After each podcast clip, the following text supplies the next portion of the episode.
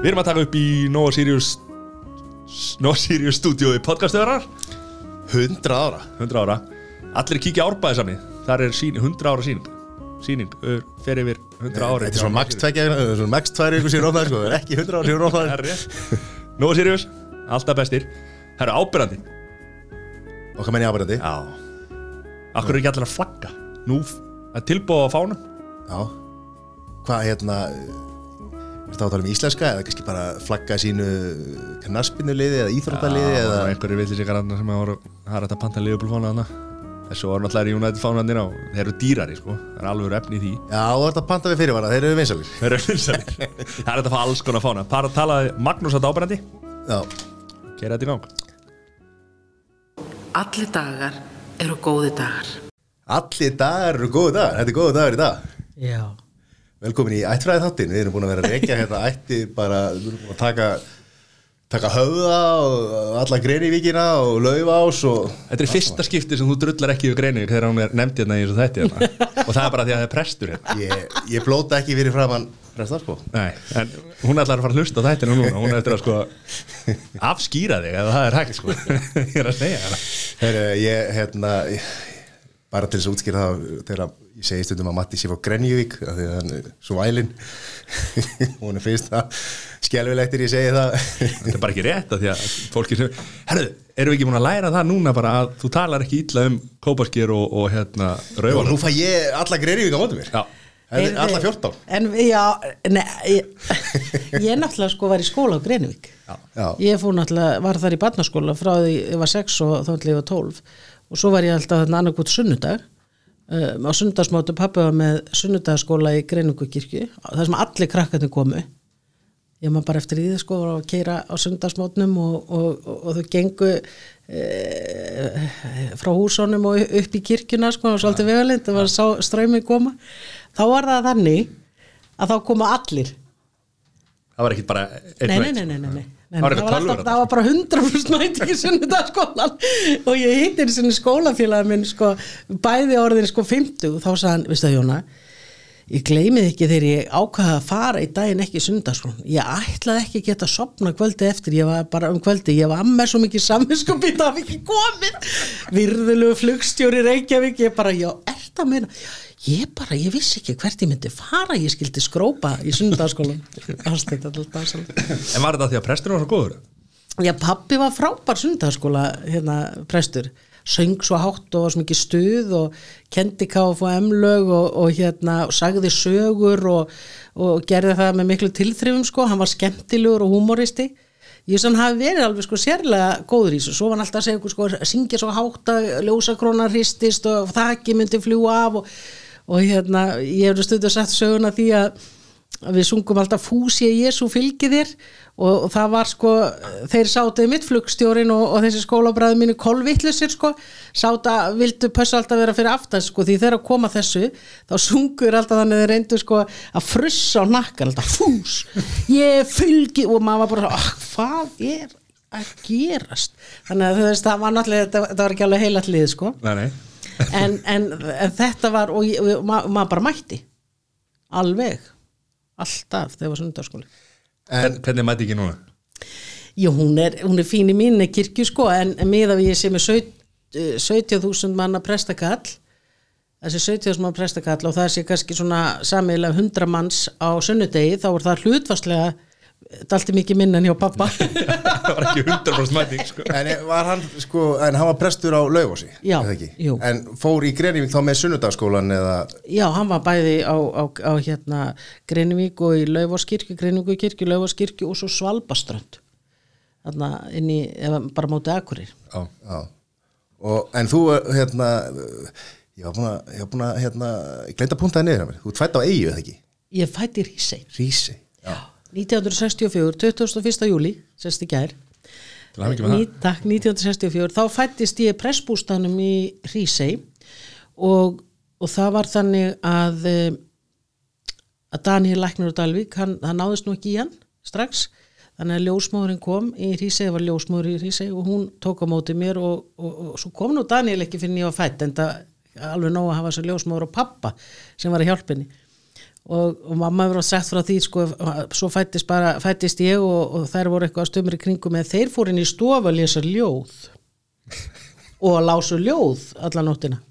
Þannig að það var mjög Já, Frábært. Já, nú er ég árið pappi og ég ætla að lesa ljóð með lækninum fyrstu Veist, Þetta er sjálfmærandi já, og en, Og var vindill og, og Já, já, já, já, pappi ríkti sí- sígarettur og vindla og pípur og allt á þessu tíma. nefntopp ekki sveitinni? Já, já, já, já, bara. Nefndu það. Nefndu. Gömlu góða tíma. Hann var, byrjar í veipiru líka sko. Þannig að þú ert á fætti hrísi og Já. ert þar ein, einhver ár? Nei, e, þegar ég er tveggjára þá sækir pappi um um, um laufás og fer þangað þá er mamma ófrísk af þriðabarninu þau eignuðust fjögur börn á fimm árum, dugleitt fólk. Öll prestar það Já, öll prestar, nei, við erum þrjú prestar og, og hérna, já, af sex. Ég hef nú bara að segja það að það er algjört hérna, afreg fjögur börn á fimm árum að, að hérna, komast í gegnum það. Nú er ég Já. börn sko og það er ekki svona það er tvö, tvö ára milli. Það er alveg feikin á sko Já, þetta er, þetta var, ro- sko, Svona í bili sko Já, sko, elsta sýsti mín á amal í dag hún er fætt 22. júli 1963 og ég 21. júli 64 og svo kemur 66 og 67 og svo var smá, smá pása og svo kom Bolli bróður 72 og, og Hildur sýsti 78 Og þá var- var mamma orðin 42 ára sko Já, var uh, þá svona var, voru þið náinn sískinin að því að kannski stutt á milli ykkar og Já, ég veist að við bara bæði verið náinn og stríðin Já, skiljiði, það, þú veist, bæði náttúrulega, þú veist, höfðum mikið félagskap og hvort öðru og svo þurftum við að- að bara keppum aðteglinu og allt hitt, sko. Það er líka, þið veitir hvernig það er. Já, já, já. Þegar það er svona langt á milli sískina þá er öðru sér tengsl, þú veist, það þú ert miklu, svona stutt á milli þá er meira verið að takast á og, og hérna einhvern veginn bera sér saman og, og, og, og berjast um aðteglinu og allt það. og pappi einn prestur. Já, maður einn prestur, já, þú ert prestur já. hvað hérna Já, og ég ætla að segja ykkur, eh, sko, þetta er náttúrulega mjög merkilegt, þannig er sko pappi og þegar pappi vígir sem prestur, þá var engin prestur í minni fjölskyldu, af því að það er allir komnir einhverjum prestum, nema ég, Já, ok. Af því að, að hérna, það var bara þannig með, með eh, ætt pappa, sérstaklega móðurætt, að þetta fólk var, sérst, ekkert mikið kirkjuna fólk og það var, margt að þið var ekkert í kirkjunni og, e, og þá er ég ekki að segja að það hef ekki verið trúað en það bara, þú veist, var ekki eitthvað svona kirkjuna fólk og menn voru alveg svona byrju, hva, ha, ætla þú í guðfræði? Og voru bara mjög hissa og þetta var mjög sérstök ákvörðinu á pappa og ég stundu velti fyrir mig hvað að þið pappi, sérst, afi var afvirki og amma var heimavendi húsmóður og þú veist, það var ekkert svona í kringum hann nema það að þegar hann er úrlingur þá hérna, fer hann í fermingafræslu og æskulistar til Pétur Sigurgeirssonar sem að setna var biskup. Og hann hafði greiðilega áhrif á pappa og hefur örugglega líka séð í honum þannig að pappi fekk svona alls konar hlutverk og þetta hitt í æskulisfélaginu og flinkur að teikna og, og, og svona. Og, og það svona leiti eitt og öðru sko. Þannig að, að ég hugsa að Pétur Sigurgeirsson sé svona mjög mikill áhrifavaldur. Hann fer og svo gerist það að, að ég fyrir Guðfræðildina þegar ég er búið með mentaskólan Akureyri og þar kynnist ég mínu manni Bjarnar Karlssoni og svo sem sagt áttu örverfin tvö eh, Bolli og Hildur fætt 72-78 svo áttu þau eftir að fara í Guðfræði. Og svo vildi sem sagt til líka að, að þegar Bolli pyttu fyrir Guðfræðildina þá kynnist hann e, sinni konu og hún er sérst líka prestur. Já, hún er hérna sóknarprestur í Hjallakirkju og svo var það að gerast í vor að dóttir mín, Matildur Bjarndóttir hún var sérst að klára tíu ára á Guðfránum og ég legg ekki meira á sælir. Hún sérst tók bjá í, í Guðfræði hér fór út til Kaupmannafnar og tók trúabræði við Kaupmannafnar háskóla kom svo heim og tók embætsprófi í Guðfræði og var að klára og ég, ég taldi saman sem sagt og þetta sýni geðvikina sko að hún og pappina sem að var að ljúka dóttirsprófi síðfræði vor þau eru búin að lesa samanlagt Guðfræði og trúabræðafærið í 24 ár já, já, Er ekki nóg að lesa bara biblíuna? nei Nei, ok. þannig að, að, hún er meistari í trúabröðum og, og hann er orðið siðfræðingur og, og, og ég fór bara svona að telja árið þeirra af því að hann er sko með embætsprófi guðfræði og svo tók hann meistariprófi í kynlif siðfræði og svo tók hann sem sagt eh, doktorsprófi í, í siðfræði með svona vistunar kerfis siðfræði. Og ég bara, já, þetta er bara þannig Hann fór í allt þetta eftir að hann prófaði pólitíkinni í smá tíma og fekk Já. alveg nóga henni eða? Já, Nei, förum ekki þangað nei, fyrir en, mig en ég ætla að segja sko að hann misti sko rafvirkjastjættin af frábæri fólki sko ég held að rafvirkjar menn rafvirkjarnir er ekki ánægði með þetta Já, Nei. þið, sko, það, þið haldið upp á heilu og jól Það er Eh, já. allir spreng, sprenglærðir í, í því að halda heilu og jól Já, en nú kemur þá ein spurning sko. mm. Nú eru páskarnir. Já. Akkur er þeir aldrei á sama tíma sama degi? Ég först það er langin og alltaf á föstu ég veit það, en þetta er samt aldrei sko, þetta er alveg, má, hvað er það? Já, já. einn og hálfu mánuði sem Já. getur ekki drokka Nei, Jú, mánuður Einn og allan hálfur? Já, Já, mánuður kannski. Nei, einn mánuður held ég. Er ekki hálfu Ég mánu? er að vinna hjá Nóa Sirius sko. Við erum að framlega páskaækin Þetta er ekki smá mikið vesen Nei, sko. þetta er svona hálfu mánuður. Nei, þetta er allan upp í mánuð. Já, Alveg þetta er klart svona í byrjun april og svo getur farið í miðan april Hefur Ertu ekki með þetta á heim? Nei, sjá Ég er bara núna á því ég miðabýptu ég, ég ferm alltaf síðustu tvær helgarna fyrir uh, páska og það er yfirleitt sko svona 23. 4. mars eða 20. og 7. 8. mars og svo er páskarnir þá þú veist þannig að í- fyrsta helgin í april eða aðra helgin í april Þú Þetta rokkar samt alveg rúmlega. Nei, við erum að skoða þetta Já En akkur rokkar þetta með milli Þó ég veit að því að föstudagen langir alltaf á sama tíma Já, Ég er búin að spyrja marg oft út í þetta Ég feng, stundu fengi sko skýringar á þessu Það var Er að bara það? að því. Já, veistu það Þetta er náttúrulega bara Þetta- ég er held að þú værir með þetta. Nei, þetta er bara eins og mér tókst að vera í hálftíma frá Vítelinskirkju fyrir nýpula við í dag sko. Stundum er ég bara svo rosalega ljóska En þetta er eitthvað fyrir svona fræðikalla Já Þú spyr bara Bjarna minna þessu næstu Nú veit ég að þú er búin að lesa Guðfræði svona mörg ágættri Ég held að það veri bara að, að kalla fjölskyldufund og, Já. og til þess að fara hún í kjölina á yfir, á, yfir þetta sko. Þetta er aldrei slæmt á, vitið þetta ekki? Var einhver að spyrja að þessu? Ég bara ég. Já, þú, já, já. Þetta er þetta munar um eitthvað, þetta er bara svona já, ég, ég, ég, ég veit það ekki. Þetta skýtur að engu máli. Nei. Hérna. Já, Þú ákveður að vera prestur ef þú mannst þetta ekki, þá á- ákveðst þú að vera prestur Já, það- sjö ára gömul. Já. Það er þremur árum áður en að fyrsta konan var, var hérna, segir mér ekki vígð. Jú, auður heyr. Býtunum við, hún var víð 1974 og já, ég sko en það kannski sýnir svona stemninguna á heimilinu að það komu mjög mikið að prestum heim þau voru allir kallar en, en ég tengdi ekki það að kona geti ekki orðið prestur. Og pappi sagði ekkert við mig sko. Hann sagði ekki, já, einmitt, nei, þú getur það ekki. Hann sagði ekki það, það var nefnilega alltaf gott. Að Köllum við bara- alltaf stemmingu þegar margir presta koma saman? Já, Ok. já, það er það.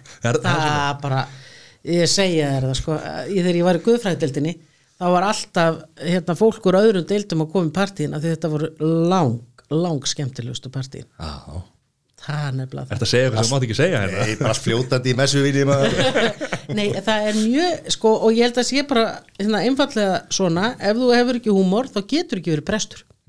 Eða þá líður allan að rosa ítli starfi.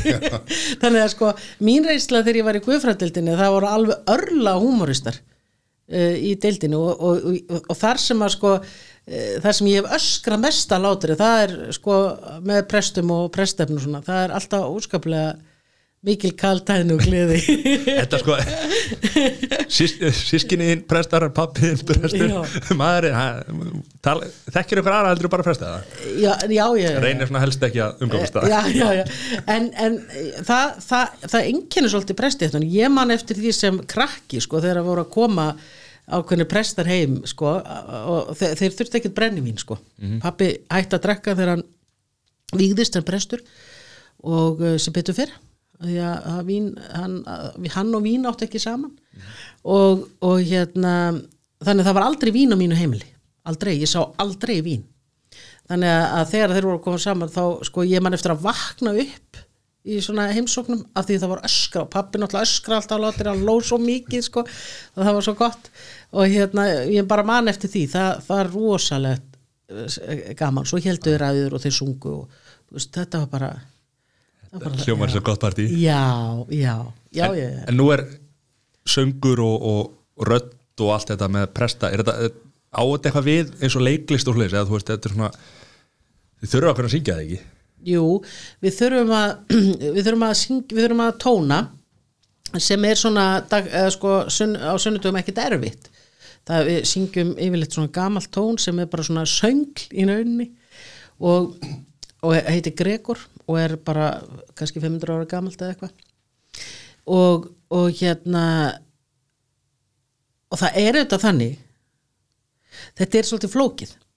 Sko við erum að tóna en ástæðan fyrir því að það var rauninni tónað var verið að syngja orðin var það að það var ekki til hljóðkerfi. Já. og ef þú syngur þá berst eins og bara í þessum stóru dómkirkjum út um allan heim og þessum kirkjum það sem þú syngur berst sko miklu betur heldur en ég segi drottin sem er yður eða drottin sem er yður. Það heyrist sko. Og Já. þannig að þetta kom og, og, og þetta tón sem við erum að syngja er svo auðsjáðanlega sko liggur frekar lágt og það er bara flutt til þess að hlutnir heyrist. Og svo er náttúrulega komið hljóðkerfi. En er þetta búið að breytast eða er þetta alltaf sama bara? Þetta er alltaf sama og en, nú er komið hljóðkerfi skiljið og við getum sagt já ok, við þurfum ekki að syngja lengur. En það er eitthvað sem að og þess vegna er það þannig að stundum syngi ég Gregor og stundum syngi ég það alls ekki. Eh, ég bara gerir bæði. Og, og hérna af því að og það er eiginlega svona ljósing þú veist hver er að sækja messuna? Þannig að þú lest, lest krátið og Já, ég svona, þú veist, ég, ég geri það svolítið, þú veist, sumar me- messur eru klassískar alveg bara mjög hefbundnar og ég veit að fólk sem kemur og nýtur þess, stundum er verið að bjóða ákveðnum hópum sérstaklega til kirkju, ég veit að þetta bara hendar því ekki þannig ég hef mjög lítið að því, en, en hérna, en svo koma hátíðarnar og þá syngjum við uh, hátíðatjón Bjarnar Þorstinssonar frá Siglufyrði og hann sérst að þá voru bara karlar prestar og hann sérst samti þetta og það er bara væri best að fá Kristján Jóhansson bara alltaf til að flytja þetta. Því þetta bara svona er alveg fyrir hetju tenor í rauninni. Og, og hérna og þetta getur til dæmis reynst mörgum prestum erfitt bara, og, en ef þú ert falskur ekki syngja bara horfist í augu við það. Það, það, er ekki öllum gefið allt. Og, og ég til dæmis sko ég gerir það alltaf á jólum uh, til dæmis á aðfangadagskvöld það kemur kannski 500-600 manns í kirkjuna. Þá fæ ég alltaf einhvern frábæran söngvara til að syngja hluta hátíðatónun fyrir mig. Það sem að einhver annar ég get sungið syngur einhver frábær söngveri og svo syngi ég akkurat bara það sem ég þarf að syngja. Af því að það er til svo fullt af frábærum söngurum þannig að ég til dæmis sko ég er ágætið að tóna ég er ekki excellent eins og pappi en, og Bolli bróðir sem að syngja tátið að tónið dásanlega og pappi söng það og, og ég myndi til dæmis sko þannig ég, ég bara, ég geri það, ég vel það af því að, að, að hérna svo syngi það sjálf á jóladag af því það er bara auðveldra, en þetta til dæmis bara þetta er bara erfitt, en svo ef, ef maður syngur þetta ekki og þetta er ekki sungið í kirkjunni þá kemur unga fólkið og segir býtu, þetta var allt öðru sem messa. Skilur það er svo hérna gaman, ég man því var prestur í Vestmanni þá hérna, þá kemur bara einhver tíman við vorum að leiða einhverjum minna í Betlehem með barnásvætti, ég, bara, ég sagði, get ekki sungið eitt það er ekki að finna einhvern annan. Og hann er svona endalög sko bara 14 erindi eitthvað. Og þá var bara fullt af svona einhverju krökku sem voru að koma sem voru í skóli Reykjavík sem bara, hvað er í Betlehem? Bara gjöra svo vel. Þannig að, að, að sko, það er einhver líka svona ákveðin íhaldsemi sem er hefð. Já, sem er sko, þannig að ég til dæmis sko mjög rosalega mikilvægt að segja bara að minn söfnuður er uh, fjölbreytilegur, hann er allskonar og við þurfum að vera með helgihald sem er allskonar og við þurfum að hérna einmitt að sko, líka horfa inn í hvaða söfnu við erum að, að því það er allskonar fólk sem kemur.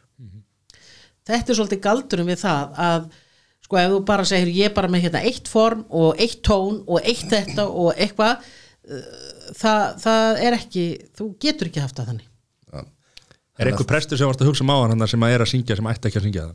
Já, já, viltu koma með eitthvað nöfna Agalegt að hérna, vera búin að ná öll í guðfræðari nema að falla á söng og nei, nei. Ekki nöfn, ok.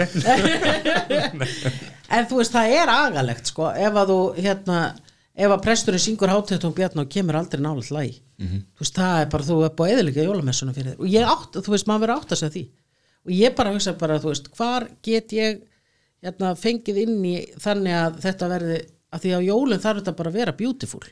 En akkur er svona margir sem að mæta bara einu sinni á ári eða sett í þá messu? Bara jólun Er eitthvað búið að krifja það? sko það er náttúrulega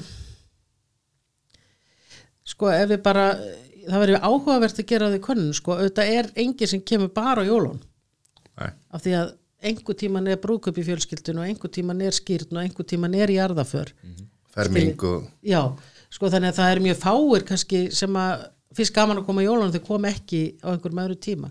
En auðvitað sko eh, jólin eru þannig að veist það er, helgihaldi er bara mjög fallegt og, og hátilegt og, og það er oft mikil tónlist og bara mikil lagt og, og það verður að hefð. Það er bara þannig og það er, og þess vegna segi ég sko þegar ég segi sko ég fæ hérna söngvara til að syngja á móti mér og svona það er alveg óbúslega eftirvænting varandi messuna klukkan 6 á aðfangadag aðfangadaskvöld það, það er svona, og mað, það er svo mikið eftirvænting.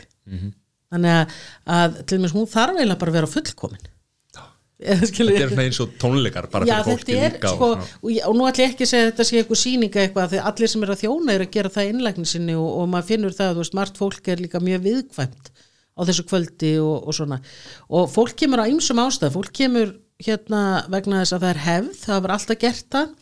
E, sumir, stundum hefur það verið þannig að fólk hefur mista á árinu og hefur kviðið þessu kvöldi alveg rosalega.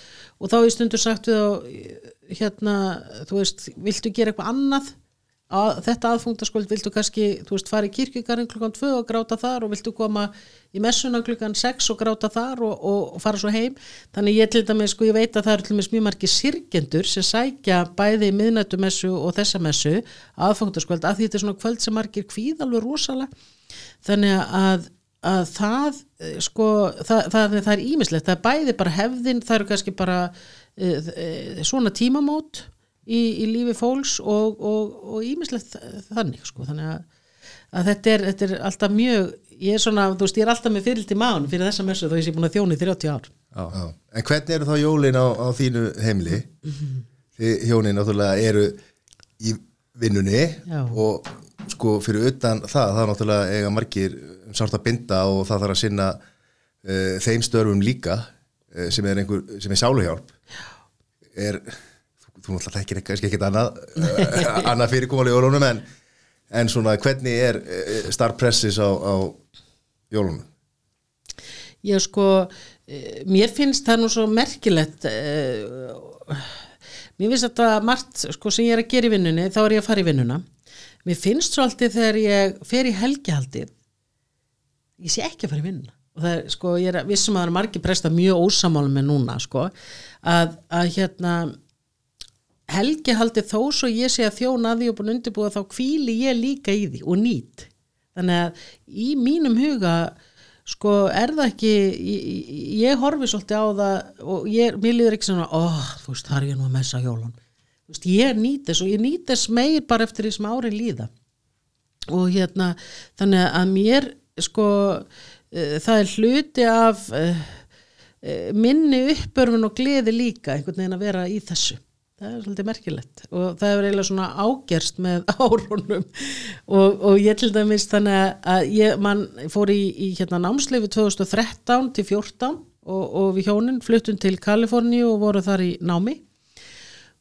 Og þá hugsaði með mér ég ætla aldrei að mæti mess og sundum kljóðan 11 þú veist ég ætla bara að sofa út alla sundag einmitt ég svaf út alveg eitt sunnudag og svo bara ég, ó ég verða að komast eitthvað stær í kirkju og það var bara alla sunnudag þá nöyti þess að fara í ólíka kirkjur út um allt og vera í helgihaldinu að því að, að þá aukvitaði sko þetta hafði aldrei verið vinnan mín mm -hmm. ég var fegin að losna við fá fíld frá ymsu sko og, og hérna en, en ég var ekkert endilega fegin að vera kvild frá þessu. Og ég, ég þurfti sjálf og leitaði mér alls konar kirkjum og náttúrulega mjög áhugavert í Los Angeles að var ég með kirkju því að það, það var náttúrulega bara það var bara frá A til Ö allt, allt þar á milli sko Þannig að, að, en við, sko það hefur breyst í okkur hjónum, við vorum sko í mörg mörg ár alltaf bæði, bara bæða messa á aðfangundaskvöld og alveg bara frá 91 til 2014, þá vorum við alltaf bæði bara í helgihaldinu, en svo,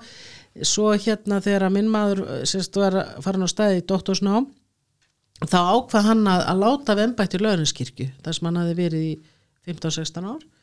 Og hann það sem engin annar hefur gert hann starfa bara sem uh, sjálfstæðu prestur.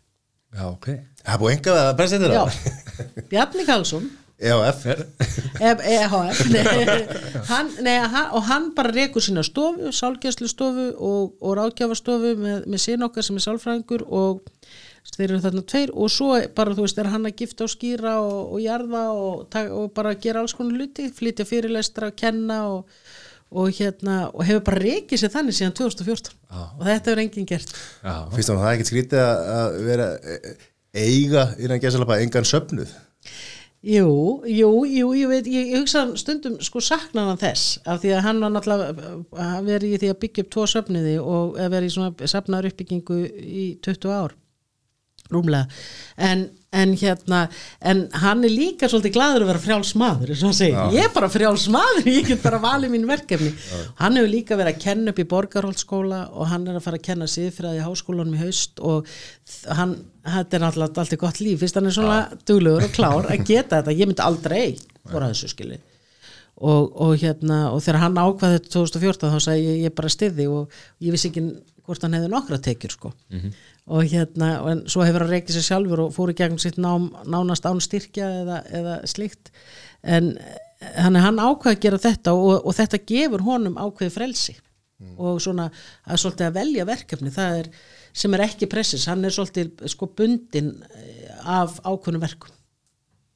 Já, já En þetta var alveg töff þegar við vorum ung 27-8 ára við þrjú lítil börn og, og bæða messa hérna á jólum og svona, það var alveg töff. Hvenær heldur við upp á hvenær var opna pakkan og hvenær var Já. jólamaturinn og sko, hvernig var við fórum öll saman, ég mann hvernig það var við fó, sko yfir eigum, þá fórum við öll saman í messu klukkan 6 með börni bara og, og svo fórum við heim og opnum pakkana borðum og opnum pakkana og, og svo fengum við einhvern til að líti eftir krökkunum og messum saman um miðnætti þannig að þú veist, og svo var, vorum við til skiptis og jóladag og að, þetta var alveg, en þetta gekk og okkur varst þetta bara eðlilegt.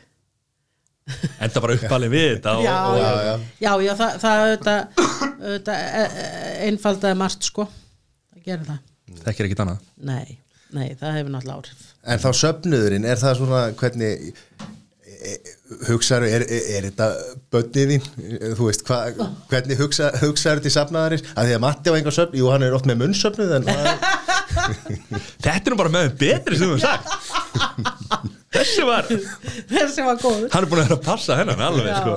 ég hérna já, ég sko og það er svona forsendan fyrir því að halda gleðin í starfi, það er bara að elska sinn söfnuð. Og ég er mjög meðvituð um það og það ég er svolítið heppin með það, fyrst er ég prestur í Vestmanni og það er náttúrulega alveg skýrt hver, hvar sá söfnuður er því hann er, hann er á eigi og, og það var náttúrulega æðislegt að þjóna Vestmanningum það er stórkostlegt samfélag. Bara einhvern veginn fullt af, af hérna, skrýtnum fólki. eh, töffurum. Töff- töffurum, og töffurum á nöglum og hérna og, og, og óvennulegum karakterum og bara það var bara ógleymalegu tími. Hann var, var erfiður að mörguleiti en hann var líka ógleymalegu við komaðum ung sko 27-8 ára. Og hérna ég er ofta að hugsa sko að einhvern veginn að, að við lifðum af og, og ég held að það verið líka svolítið af því að eigamenn, þú veist, gáðu okkur rými og, og hérna lif, leiðu okkur að sprikla og við gerðum alls konar skrýtna luti byrjuðum með popmessur og rockmessur og ég veit ekki hvað og hvað. Heldum en við myndum sko brjóta steinduglirinn í landakirkju. Það var mjög gaman og hérna og, vorum einhvern tíma með rockmessu á vori og ég man að það komið sko 700 manns í kirkjuna. Það var sko því líka stemningin þannig að, hérna og, það, það, og þar var maður með hennar söfnuð sko sem var svona velskilgreindur og það voru þetta bara allir kirkjunni og allir elskuðu landakirkju. Hún hafði náttúrulega í gósinu svo sterka þýðingu eitthvað flottasta mynd sem Já. verið tekin upp hana, Já. tekin? Ég lifi og þér muni lifa. Ég svo sagði og, og með, með kirkaslið og svo allt í eldi og raunni og það var náttúrulega svo geggja sko þá að það voru sér satt KFM áttu hús, aðvendistar áttu kirkju og hvítasunnumenn áttu kirkju og svo landakirkjan það lendi ekkit undir raunni og eigamenn sögðu bara guði sér lof. Ef eitt húsið lendi undir raunni og sagt já þessi, guð er ekki með þessum. Og það, sko, það stoppaði raunni sko við KF og kási þannig að þeir voru tæpastir sko.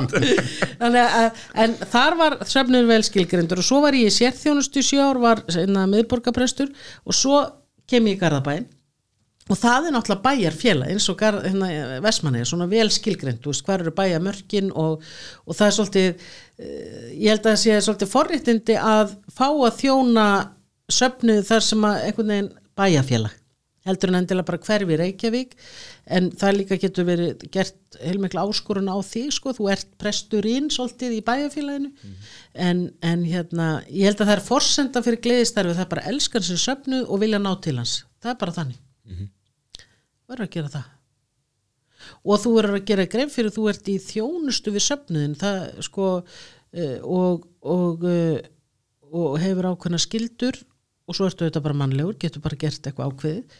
En, en hérna uh, það er þannig með þetta orð sko embættismæðra þegar stundu tala um prestar sem embættismenn að það er komið orðinu ambátt sem því þjónusta og það er algjörlega einhvern veginn fórsendar þú ert að þjóna, þú ert þjótt ég það oft við fermingakrakkana, þú veist ég er þjótt presturinn er þjótt En finnst þér ekkit erfitt að vera flautar ekkit að kera yfir á rauðu í garabænum eða er þetta ekki eitthvað? Nú er alltaf að vera þú veist eins og þú ert að segja út presturinn. Já, að já. vita örgla allir, að vita allir hver að stoppa allir bara að stoppa allir græna ljósið til þess að leipa jólu yfir yfir þínu vegi sko. Já, þeir eru, þeir eru að vísu, garbængar eru voða góðið um mig og, og, hérna, og tóku mér upphæflega rosalega vel. Og hérna, ég kom inn í söfnuðin, það hefði verið gríðilega átök í sjö ár og svona erfið stemning og erfið, er, erfitt í safnaðastarfinu. Þannig ég kem inn í svona allt erfiða kringustafur og ég var náttúrulega bara fertu kona og ég hérna ég var alveg kvíðinn sko. En, en það var þannig að, að ég, einhvern veginn, það, þar kynntist ég söfnunum fyrst. Ég, það var bara mjög merkilegt að bara svona nýju mánuðum fyrstu nýju mánuðina sem ég starfaði þá kom alltaf reglulega á, á póstur til mig frá einhverju fólki sem ég þekkti ekki neitt. Sem sagði bara ég, ég glöð út komin ég bara vonaði gangi vel þú veist ég hugsa fallega til þín og þetta var bara svona hrúa brefum frá fólki sem þekkti ekki neitt. Og ég segi náttúrulega Guð hafi sendt mér þetta fólk til að segja að ég gefist ekki upp og misti ekki móðin sko. þetta var mjög merkilegt og svo hættuðu bara eftir nýju mánuði. Já, brifin brefin, svo komið ekki verið Hvernig tekur maður á svona eins og segir að, að verið hvernig tekur maður svona ábyrð og, og, og og svona, hvernig, hvernig tæklar þessa vinnu? Nú ert þú að fá fólk til þín til að hafa trúa þér ég hérna ég man, ég, sko ég ég náttúrulega það er bara, í mínum huga er það bara bænin sko, ég, það er bara mitt verkværi fyrst og síðast og, og ég man þegar ég var að taka þessu nýja embættu þetta var náttúrulega stórt embættu og, og, um, og hérna þetta er náttúrulega annars stærsti söfnuðu landsins og ég bara fertu konan þarna.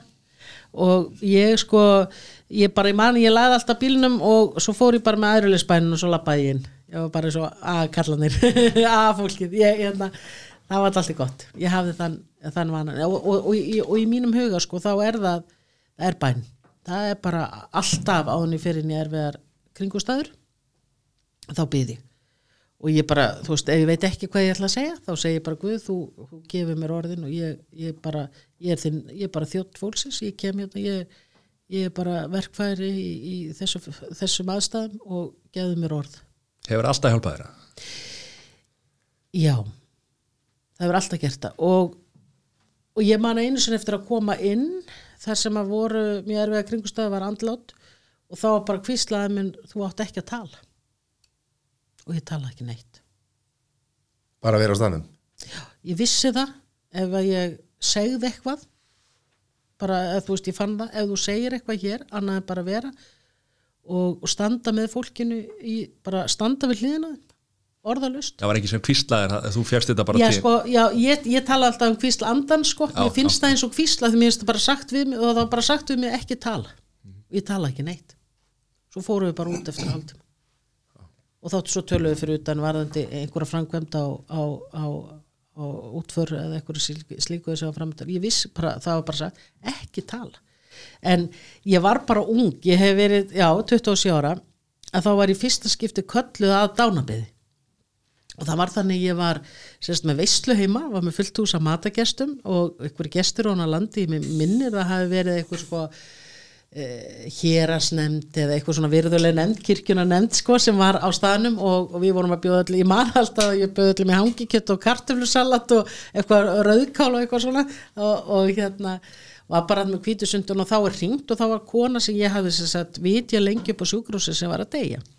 Og ég beði um að koma og ég segi bara stenda það með kvítusundun og, og hafði aldrei komið að dána beði og auðvitað Guðfræðildinni verið að ræða það hvernig maður kem inn í svona en einhvern veginn ekki, ekki þannig sko, námið er ekki þannig, var ekki þannig praktist sko, hefði mátt vera meira praktist Það er búið undirbúið meir undir Já, svona eh, allavega sko, ég allavega akkurat þannig aðstæðan bara hringt og, og svona bara fyrsta útkalla ég fann mér svona vannmáttu og svona ég hefði tengst þessari konu og ég sagði hvað við Bjarnar sko, ég bara fara og hvað ég segi og hann eitthvað komið þarna með einhverja og svo fallið til komið sálmabók og stóð aftast eitthvað bæn og dánabið ég sagði, ég er ekki farið að lesa þetta?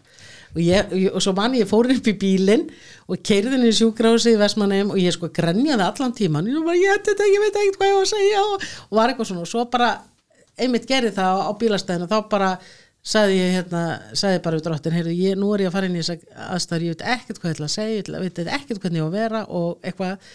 Og svo lappaði ég bara inn, alltaf bara þurkaði mér um augun og, og lappaði inn. Og svo þegar ég kemur á stofuna þá kemur sonurinn á móti 50 maður og segi bara við mig viltu lesa drottin en minn hinnið og ég bara, ok. Þá, þá bara sagðan, var, hann kom bara ég þurfti ekki að hugsa hvað ég átt að segja eða lesa. Og eftir þetta, þetta var mjög mikil reynsla fyrir mig og, og svo stóðum við bara ná og heldust í hendur, örgulega 40 myndu þá hún tók bara síðast andtakið og höfðum bara ég hafði lesið hennan sálmdrottinu mér heyrðir og, og farið með bæn og svo, beðið, og svo sögðum við ekkert meir, svo heldust við bara í hendur og, og svo bara vorum við þarna þá hún var bara að taka síðast andtakið og einhvern veginn eftir þetta eftir þessa reynslu þá hef ég aldrei verið hrætt en, en hérna og ég heldur ekki ekki sko ég, ég, einhver staðar er ég auðvitað undirbúið mig en þú veist svona gerist kannski bara mjög snögt og, og þú getur ekki þú, það, þú þarf bara að fara strax eða, eða tilkynna andlát og, og, og þú bara fer strax. Og þetta er ekki spurningum eitthvað setjast niður og byrja að hugsa já, hvað ætlum ég að segja núna? Mm. þannig ég, bara það er bara bænin og ég, ég er bara alltaf beðið um orð. Og það er bara verið þannig 30 ár. Það er reyna vel tengt. Já, en ég held líka sko uh, svo gerist það líka þú, þú lest aðstæður, búin að koma inn í svo margar aðstæður og eins og þarna ég, ég bara vissi það að ég átti ekki að tala. Það er bara svo skrítið. Og stundum finn ég þegar ég kem til fólk, stundum finn ég að ég á að spyrja hvort ég megi byggja stundum segi ég svona má ég fara með bæn stundum veit ég að ég á ekki að segja það. Mm -hmm. það er bara þannig. Já, ég, er svo forveitina því að ég er ekkert einnum það að það er svo skrítið andrúsloft í jarðaförum Já, og, já, já. Er, og, og, og þetta er mitt sko að auðvitað eru, eru ég hef aldrei skilið til dæmis útfarastjóra veist, þeir fá ekki að taka þátt í, í hérna, skýrnunum og fermingunum og brúðköpunum og svona. Þeir eru bara alltaf í, í sama sama jobbinu sko. En þetta að að svona setja sig eins og prestar gera, setja sig í aðstæðu sem að, sem að fólk er að missa aðstændur og hugsalega að missa hérna, börn og svona. Er, verður þetta auðveldar með áránum eða er þetta alltaf jafn erfitt?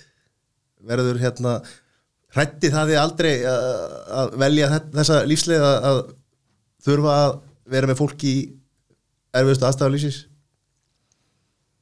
Jú, jú, auðvitað sko pappi sagði eitthvað tíman þegar ég var í Guðfræningu góður.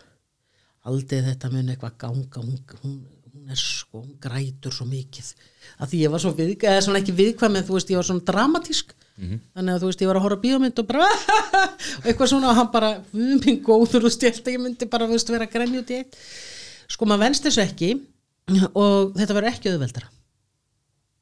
Ég skal segja ykkur akkur það er vegna þess að þegar maður er búin svona lengi þá veit maður hvað þjáningin er lengi og löng og vegferðin er erfið þannig að þegar maður fer inn í sko aðstæðunar þá er maður svo maður er svo hérna, meðvitaður um það hvað það er langur vegu framöndan ánga til að fólkið sko getur fara að lifa elladag og stundum veit maður líka að það mun ekki lifa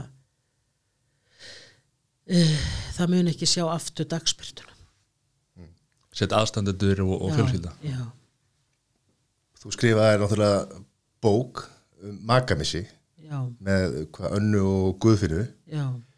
Uh, af hverju hérna, hver var svona tildröðin að, að því að fara að skrifa bókum um makamissi? Sko þa það er nú Anna, Anna, Anna Ingolsdóttir á upphafið af því. Hún hérna hafði skrifað dagbók þegar hún misti manni sinn og átti mjög mikið af, af mjög mikilvægum skrifum sem þurfti að komast á framfæri og þær höfðu sérst að báða reynsluna því að missa maka og, og svo kom ég runna aðeins inn í það og tók viðtöl við sirkjendur af því ég var náttúrulega í svona sérstakri aðstöð að vera að vinna með sirkjendum þannig ég vissi við hverja var hægt, hva, hvað fólk var hægt að fá til þess að segja sögur sína og, og það þarf svo rosalega tröst til þess að sé hægt að taka sér viðtöl og það, þetta var allt saman fólk sem ég hafði mynda tengslu við þannig að raunni, sko minn hlutur er, er það sem að uh, kannski hafði ekki verið gert svo oft áður að, að skrifa svona ítali viðtöl við sirkjendur og fara yfir ferli þannig að það er svona minn hlutur þannig að það eru þarna fjórir einstaklingar sem að ég vann heilmikið með og, og, og, og skrifaði þeirra sögu. Og ég hefði aldrei gert það nema vegna þess að ég þekkti þetta fólk ég þekkti sögu þeirra uh, ég vissi að þetta var fólk sem myndi deila reynslu sem myndi skipta máli, mjög miklu máli. Þetta eru tveir kallmenn og tvær konur og kallmenn eru oft ekki þeir sem er að tjá sig mikið um svona reynslu eða hafa ekki gert það gegnum tíðina. Þannig að, hérna ég var þakklátt að, að hérna, fá að vinna með þeim þessum fjórum eistaklingum og, og skrifa þeirra sögu.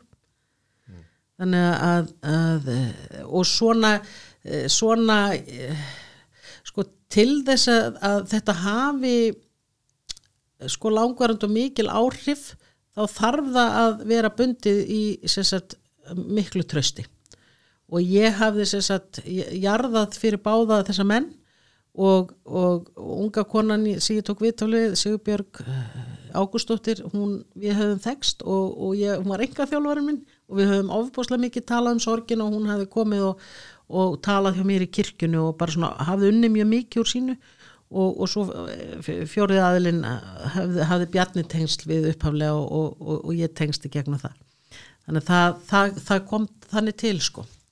Og kannski hérna þú, þú ringir ekki til fólk og spyr hvort þú megi spjalla við það um þetta Nei. og gefa það út í bók. Það er ekki hægt. Og er ekki ennþá svona ég vantilega hefur mikið, mikið fólki sambandi við þig og meðal annars út af þessari bók Já, við höfum nú bara til Eða þjó, þjónustar er bara söfniðunum fyrir eða sagt, Já. tekur ekki ef einhver ringir í því bara úr vesturbænum og, Jú, ég reyni það en bara oft hef ég mjög takmarka tíma en það er eitt sem að ég hef gert sagt, í kirkjunni í langan tíma á samt fleirum að við höfum sagt, ég hef alveg síðan 2008 verið með hópa e, við kirkjuna sem er fólk sem hefur mist maka þannig að, að það er alveg sko ég veit ekkert hvað það er margt fólk það er gríðarlega margt fólk sem hefur verið hjá mér e, frá kannski ári og upp í þrjú, fjögur ár í svona vinnu.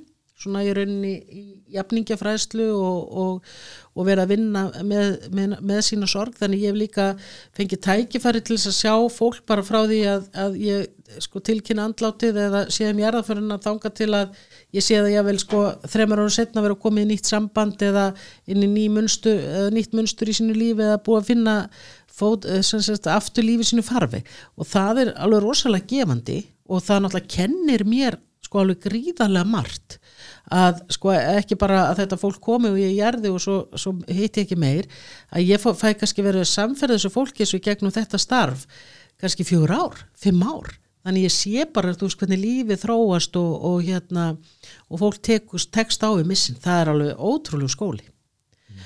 og svo höfum við líka verið með í, í þrjú ár sem hóp sem hittist sem er fólk sem hefur mist barn og, og það er það er fólk sem kemur kannski nokkur skipti eða er búið að vera með alveg sko í næri þrjú ár. Þannig að þar hef ég líka verið að sjá þú veist, allt þetta ferli af því að það er, þetta er svo, þú veist sorgin er ferli, sorgin er ekki sjúdómur og það er ekki ástand heldur, það er í rauninni sko, mýst orðið ferli besta orðið yfir það. Og þess vegna hefur þetta sko verið hérna ofbúslegt nám fyrir mig, ég bara, ég læri af fólki og, og, og það er svo miklu gaglera fyrir mig í starfinu heldur en sko nánast alla bækur sem ég lesum þessi mála því þetta er bara svo hver og einn fer í gegnum sitt ferli og það fer enginn raunin í gegnum sama ferli nema í e einhverju stóru, stóru, stóru myndum. Og, og svo hefur við líka verið með verkefni sem heitir Örnin sem er sko stort verkefni og margir koma að, alveg 30 manna sjálfbáli hópur sem eru sérst börn og úlingar sem hafa mist fóreldri og það hefur verið starfandi núna bráðum í þrjú ár og er svona alveg vaksandi verkefni. Þannig að þetta, sko allt þetta er sko, það er svo mikið að starfi kirkjunu sem engi sér, þú veist, ég til dæmis auðlýs ekki þessa hópa, við bjóðum í þá. Og, og hérna nema, nema örnin fyrir börn og úlinga því að það er svona erfitt að sko, kannski, það er bara svo mikilvægt að ná til þeirra og sem flestra. Þannig að, að sko það, við erum alltaf að, að og svo er náttúrulega líka auðvitað bara enga viðtölum eins og margir sirkjendur sækja til presta í svona bara e, e, í enga samtöl sem finnst erfitt að vera í svona hóp. Uh, aðrir öðru finnst ekki að gríðaláði að, að heyra hvernig aðrir fari gegnum hlutina. Og, ég, og bara já, margir hafa sagt sko við mig að hérna að eh, sko að eitthvað sem einhver sagði í hópnum sem bara eitthvað þeir snýr öllu við og bara fekk það til að hugsa hlutinu upp á nýtt.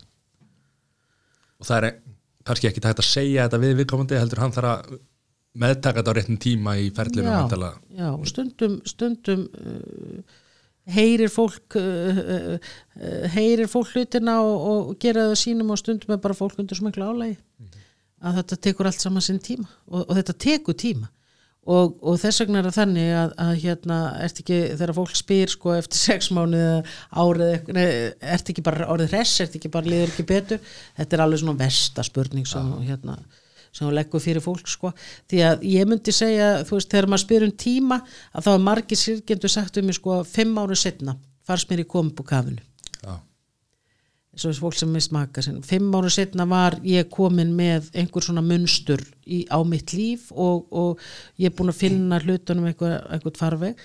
Og það er auðvitað þannig ég segi sko sorgin er ekki sjúdómur en sorgin getur leitt af sér sjúdóma Já, ef, að, ef að þú ferð ekki inn í ferli og ef þú ferð ekki stuðning og ef að, ef að aðstæðar þínar eru þannig að þú hérna, ferð aldrei inn í ferli eða stoppar eða, eða hvernig það er þá getur það leitt af sér sjúdóma.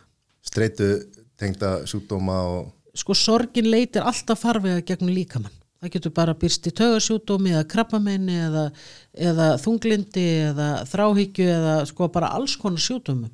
En, en sko en sorgin leitar alltaf, hún leitar í gegnum líkamann og, og það getur auðvitað leitt af sér sjúdóma.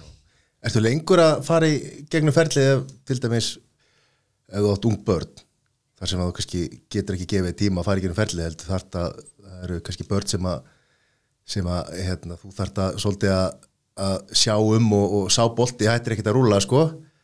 Er það, ertu lengur að koma upp úr, upp úr svoleis að því að þú hefur hugsalega ekki tíma eða, eða aðstæða til þess að sjá um sjálfaði Þú ert að tala með að makamissi og ég er, já, ég er að tala um makamissi og, og það eru kannski ungbönd í spilinu og, og kannski nokkur og hérna þau fara ekkert Sko þetta er rosalega personabundi, þú getur líka sagt, uh, mist makaðun átt ungbörn og átt, átt mjög stert bakland.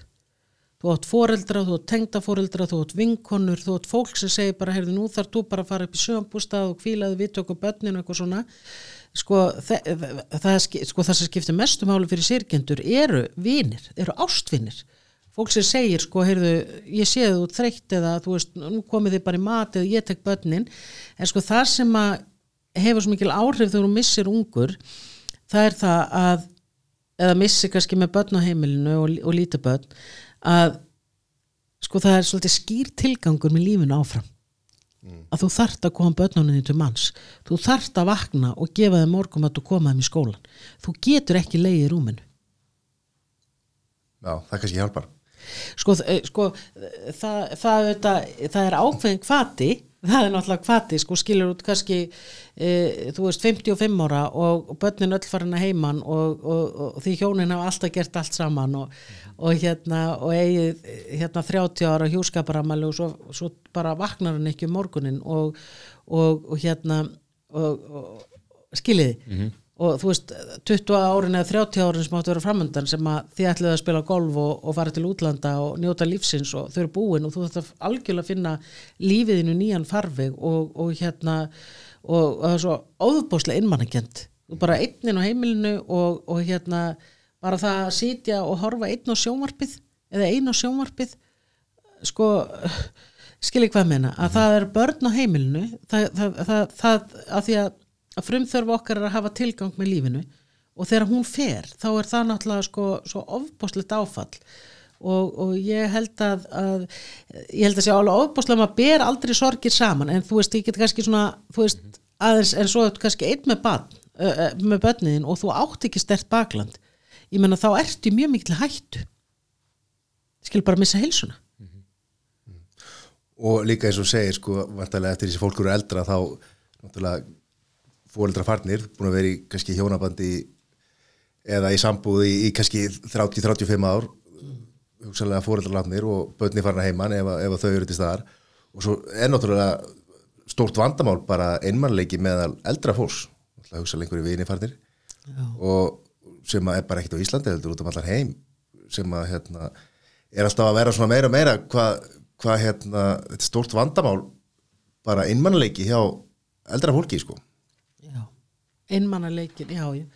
Það er sko, einmannaleikin er alveg rosalega erfiður. Þannig svo hérna uh, og þess vegna er svo mikilvægt að við svona uh, búum okkur undir ellina, horfist auðvið þú verður einn daginn gamal hvernig ætlar að, að hérna, hvernig ætlar, hvernig ætlar að tækla það?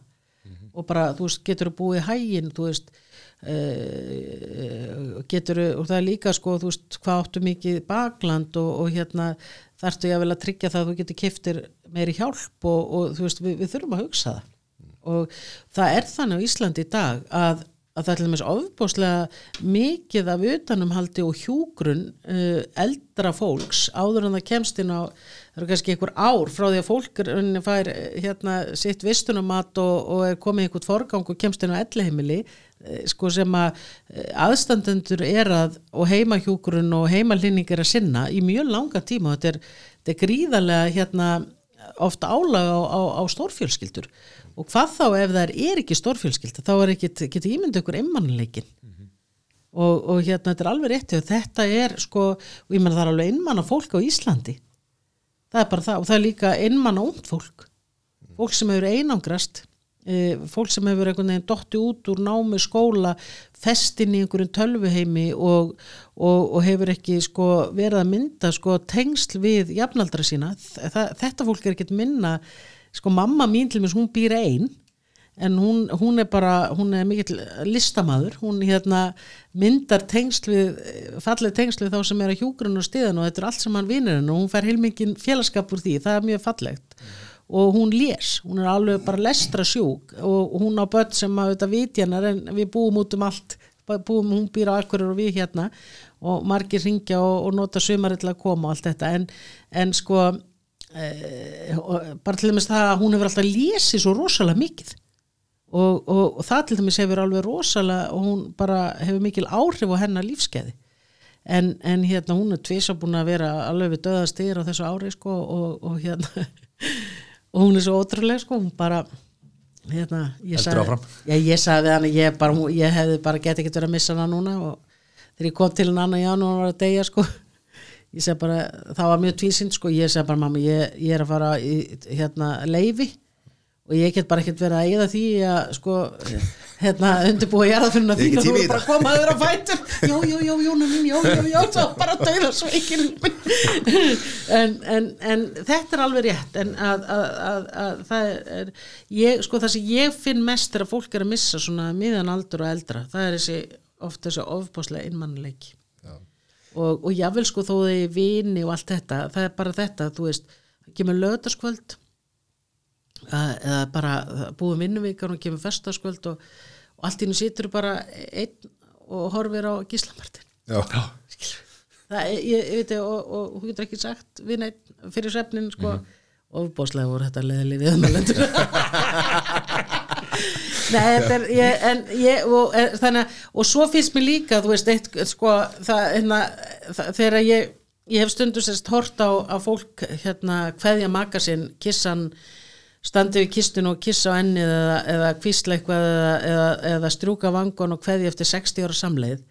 Þú veist, þá, sko, ég bara, mér langar fram, fram á öskra, ég, það er svo mikið að gráta. Og þá að já, en þetta fólk er um búið fyrir 60 ára samleið. Og ég veit það, en þú veist, þetta er bara ákveðin sögu, svo merkilegri sögu að ljúka. Og ég veit að við komandi á kannski bara sjálfur stutt eftir vegna þess að það er alveg helmingurinn að þið farin, þú veist, fólk eru oft orðið bara eitt og þá, hérna, þá er ég bara svona, oh, þetta er, og svo er maður líka í leiðinu svo ótrúlega þakklátur, einhver skuli fá 60 ára hjúskapar samleið. heldur að sé einhver vinna í, í heiminu sem er, er jafn mikið upp og niður í eins og presta? Það er alveg bara ég ætla, að- ég ætla, En það er maður geðvik að- ég ætla að klára með, ég, sko, ég, ég segi ótt, nefnilega við vinni mína þegar ég voru þreyttur að segi ótt ég er aldrei betri félagskap en þegar ég reit með sjálfum mér sko. Svo ringir þetta kortir hundu myndi koma líka það er alveg sko hérna það er eina frumþöru mannsins það er eiga tengsl. Og hérna og þess dæmis ég margir sko miðaldra sem að missa maka sinn sem er orðin á mínum aldri sko sé til þess að þau fá sér hund. Bara af því við erum sko við þurfum svo mikið tengsl það er bara eina frumþörum og það er líka eina frumþöru dýran hundarnir þurfa líka tengsl Já. skiljiði. Og, og hérna þannig að, að sko það, þessna tengsla rof bara það versta sem til er. Og döðin er náttúrulega auðvitað tengsla rof Já. sælir herru. En yfir í, í aðra sálma? Vá, við erum kollegar í hérna já, ég góð- aðra sálma. Það fletta þess hérna í sólabókinu minni. Eh, hérna, Þú eh, farastjóri, nei, er það ekki? nei, fór, fór aldrei. Fórastjóri Heyri, það, er samt, það er samt hérna til síða á internetinu. Nei, sem að, sem, að, sem að segir að þú sért farastjóri já til Alaska. Með Vita, já. Hún er til. Já, ég ætlaði, við hjónin ætlaðum við svona fara sem farastjórar á skemmti fyrir að skip til Alaska. Og var rosa spennt. Skráði sig enginn í ferðina. Segir, ég held að þetta verði einhver prestaferði sko, nei, jú, það voru einhverju sem skráði sig en það voru ekki nóg margir til að fara ferðina. Ástæðan, við, við, sáum alveg hvað væri ástæðan. Og hver var ástæðan? Ó, þannig að sína er hérna. Það er já, bara, já, það er bara á internetinu þá bara hérna, já. Er þetta ekki ferðin til Alaska? Af því það, það er kannski eitthvað ferð sem ég er búin að gleyma. Það stendur ekki hvað ferð þetta er sko, þetta er bara eins og þetta sé almennt eins og þú sért Já. bara almennu farastjóri eða þú veist Já, en er það við vorum að ætlaðum að fara við Bjarni og, og hérna það var einhver sem skráði sig, það skráði sig ekki nóg margir af því að Íslendingar þeir eru svo bara Alaska. Wow, svo kallt, ég ætla ekki að fara og þau, já, einmitt það getur orðið 15 gráður á þýlfarinu, nei, ég er farin í Karabíska hafið. Já. og hérna, og svo var mér búið að vera farastjóri í Karabíska hafinu og það er alltaf nóg af farþegum til að fara þar. En ég, mér langaði það ekki, mér langaði til Alaska. En ég fór ekki. Já, ég hérna alltaf gott á sitt vel undir búin á minn og Já, með allt klart. interneti brást mér, þetta er nú bara hérna, já, já. svo ætlaði ég einhvern tíman að líka fara sem farastjóri til Berlínar með skvísur en svo gerði það ekki heldur. Ég man nú ekki hvernig það fór. Ég, held að, ég held við höfum aldrei komið á koppin en við höfum eitthvað að byrja að auðlýsa þess að sér þetta á netinu. Já, einhver mest ég ekki Toppa Marin og, svo, og Sigga Kling hafa bara tekið að þér. Það eru náttúrulega bara miklu betri í þessu en ég. Nei, þetta er eitthvað mest ég ekki farastjóri bara landsins hérna sko. Sigga King er náttúrulega frábær. Já. bara því sem ég haldi það ég þekki ekki Tobbi en ég, ég þekki Siggu ég er bara, ég er svona fan. ég bara, sko Sigga hún, hún, hérna, hún er fín í stjórnarspánu en Sigga er líka það sem kannski margir veitum hún er mjög andleg kona. Og hluti sem hún segir sem að ég eru mjög andlegir og ég er mjög hérna ég tek bara bísna marka á hann við erum alveg hérna sýstur í því. Já, ok. Hvað hérna uh, munurinn á sko hérna íslensku prest, prestum og þessum sjónvarsprestum í, í Ameriku og svona hérna veist, eins og maður sér í sjónvarpinu svona játningar og svona er hvað hérna hver er munurinn á þessu? Sko, við erum á Íslandi, við erum með þjóðkirkju fyrirkomulag sem þýðir það að þeir sem eru skráður í kirkjuna þeir, a- af þeirra tekjuskatti er tekin sóknagjöld Tíund eða ekki? Já. Já, nei, það er náttúrulega sko, til dæmis ef, að, ef að þið, þú ert í þjóðkirkju ef þið eru í þjóðkirkjunni þá borgið sko að tekið cirka þúsund kall á mánuði af ykkar tekjuskatti og sem fer til kirkjuna þannig að, að þeir sem eru skráðir í þjóðkirkjuna í Garðabæ þeir, þeim, þeir, það tekja ári kannski tæpi 12 skall tek, og tekjuskatti í sóknugjöld og það fer til kirkjunar e, e, í Garðabænum og það er nota til að viðhalda Garðakirkju og Vítaliskirkju og, og halda úti hérna fallegum kirkjugarði og safnaðarheimili sem að Garðbængar nota mjög mikið undir alls konar og svo bara starf eins og kórastarf og batnastarf og eldriborgarastarf og Fermingafræðsla já, eitthvað svona. Að vísu er enn borgað sko fermingagjald því miður já, en, en, en svona flest allt, allt barnastarf og svona þetta er alltaf meira meina sko hérna frýtt og þetta helgihaldið og fullanusfræðslan og allt það. E, þannig að, að þeir sem eru í kirkjunni þeir borga e, þess sín sóknugjöld til kirkjunar og svo gerist það líka að þegar að þú til dæmis e, það er einhver hérna biskup eða eitthvað sem þú ert ekki sammála og hugsa hvað er ítla að segja með þjóðkirkjunni þá gerist það að þú segir að þjóðkirkjunni erstu utan trúfélag og þá er ekki lengur þá fær kirkjan þín ekki lengur þúsungallin á mánuð þannig að, að ef að einhver í Garðabær sem að hérna búin að búa þar og, og á ástunni kirkjugarðinum og, og hérna nota Garðakirkju eða hvað hann gerir að hann verður ósamála einhverju sem biskupi segir og ákveður að, að hérna lýsi yfir and, hérna, ekki andur sinni heldur mótmælir. Með því að segja svo kirkjunni þá, þá hefur það engin áhrif á biskupin eða, eða biskustofin það hefur áhrif á þína heimabygð þetta er svolítið hérna merkild en þetta þjóðkirkjufyrirkomulag sem er svona uh, er svo dásamlegt af því að það því það ég er ekki að betla peninga af sóknarbönnum og segja að við verðum að reyna að halda hérna úti hérna, starfi fyrir þessi bönn eða þetta þetta eða, eða hvernig sem það er. Heldur hérna heldur eru bara að koma sóknugjöldin og við getum bara gert fjárasállun og, og segja að nú þarf að gera við þetta og nú þarf að stækka kirkjugarinn og það kostar 10 miljón og það kostar þetta. Og þá er þetta að gera fjárasállun þú veist hvað er þetta að reyka mikið starf, hvað er þetta að ráða maður starfsfólk og hvernig þetta á að vera. Og þetta gerir það verkum að maður þarf ekki vera að tala um peninga við söfnuðin eh, sem er algjörlega frábært og gefur manni bæði bara þú veist tíma og, og hérna og, og ákveðið svona eh, kyrð í starfinu skiljið Eh, og, og hérna en aftur á móti í bandaríkjónu til dæmis eru allt saman fríkirkjur. Það er engin þjóðkirkja og það þýðir það að hver einasti söfnuður þarf að, að reka sig, reka sína kirkju, reka sitt starf og þar alveg er alltaf verið að tala um peninga og alltaf verið að ganga um með baukin og alltaf verið að byggja um stuðning. Og, og hérna og það auðvitað hefur mikil áhrif skiljið, þá, þá þarf það reyna að ná sem flestum auðvitað inn í kirkjuna og fá sem flesta greiðendur og, og einmitt tíund og það er til dæmis mjög mikill peningur, það er svolítið annað að það er engin að byggja sko, bara því út skráður í kirkjuna þá bara borgar, þetta bara borga á ríkisjóði skiljur og þarna er, er alltaf verið að sko tíund, ég menna hvað er út með 500.000 í, í tekjur á mánu að borga tíund? Hvað er það, 50.000 það er á mánuði? Það er rosalega mikið Það er 49.000 fleiri þúsugallar heldur en að já, já, en, en skilja ég hvað með þannig að, og, og þannig að þetta vei- svona, gera verkum að, að, þetta er svolítið sko fyrir þá sem eru að reyka kirkjunum, ég segi fyrir mig ef ég þyrfti að vera stöð að tala um peninga þá, mér þætti það alveg rosalega erfitt. Ég hef að vísu reynslaði, ég var sjö ár miðborgarprestur og þá þurfti ég að, að tryggja allt fjármagn í starfið.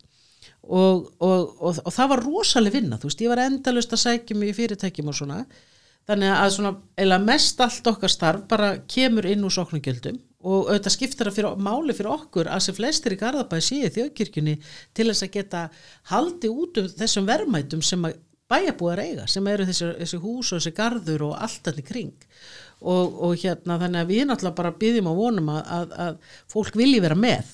Þó það sé ekki sko, þó við séum ekki að krefja þeim að mæta hvert sunnudag í kirkju en að það, það standi að þessu starfi og þessu öllu í sínu byggðalagi það skiptir mjög miklu máli, ég hef stundir til fólk eins og þú býrðu í Ísafyrði þú elskar kirkjuna skilur á Ísafyrði og þú varst einn af þeir sem bjóð til hérna fugglin í altaristöflunni eða eitthvað og svo ertu ósáttur við eitthvað sem gerist hjá yfirstöð kirkjunni og segir þú kirkjunni og það er alveg, þetta er Ísafjörði kirkja búin að tapa 12.000 skallam ári skiljið hvað meina. Þannig að, að, að hérna og þetta fyrirkomulega þurfi ekki að vera sko einhvern veginn alltaf að byggja fólk sko að bara, þetta gerist bara svona og þú, þú þarf ekki að vera að hugsa um þetta. Það gerir það að verkum að, að hérna það er á þessu ákveðin strúttur og svo sem er líka rosalega mikilvægt varandi það að við erum með þjóðkirkju að hver einasti star, eðna, prestur sem kemur, hann hefur þurft að, að stunda akademist nám í fimm ár. Og hann þarf að fara í starfstjálun og viðtöl og, og það er að koma staði sko hvort að viðkomandi er bara hæfur til þess að hérna ekki bara fara í akademist nám hafa grein til þess, heldur líka þessa þjálfun. Það, þetta veitir ákveð öryggi í þeim sem er að ganga fram sem leitor og, og það fann ég því að ég var hérna í bandaríkjunum sko, bara, þú veist, einhvern tíðan fór ég og þú veist, það var tróðfullt í bara stórum risasala, bara þúsund manns fyrir átti og þúsund manns eftir. Og presturinn, sko, það sem hann var að segja var svo hræðilegt að bara að hérna, og ég sá bara maðurinn minn, hann bara fölnaði og fölnaði meira upp, sko, hann bara var að tala um hérna einhvern antikrist og, og, og bara fór að lýsa hann um einhverju hvít klæðu og eitthvað svona og svo bara allt í hennu hérna kvísla bjarnamur segja hann er bara að tala um pávan, hann er bara að tala um Frans Páva sem að minn maður er rosa hrifin af að þeir eru svo mikill umhverfiskuðfræðingur og, og, og vistkerfiskuðfræðingur og, og bara alls konar hlutir og, og hérna svo komum við fram og ég sé bara allar ekki að tala við hann, hann stóð og var eitthvað að kveði og hann bara ég er svo reyður að ég ætla bara kom mér út á þörunni sko að ég er ekki að fara að breyta þessum manni neitt. Og bara út og bara þú veist að anda sko.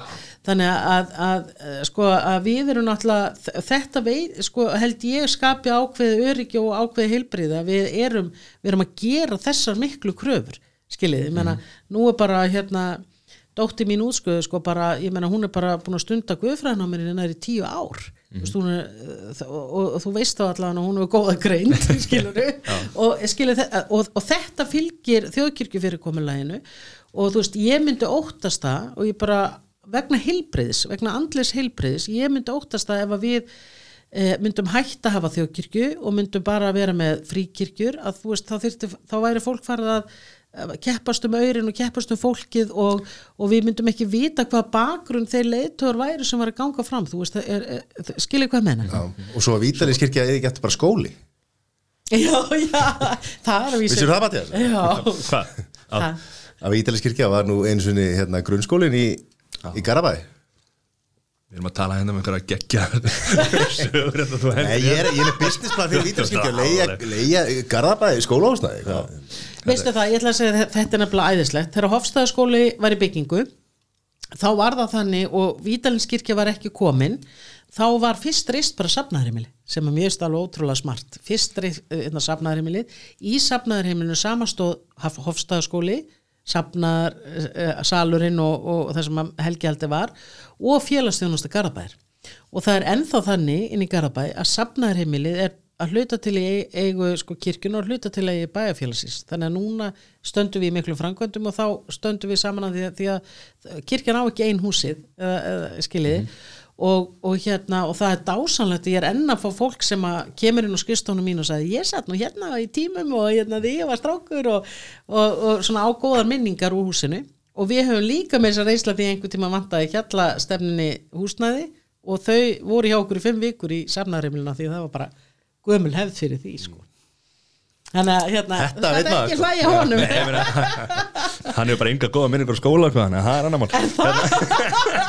En þú varst ekki til hofstæðaskóla?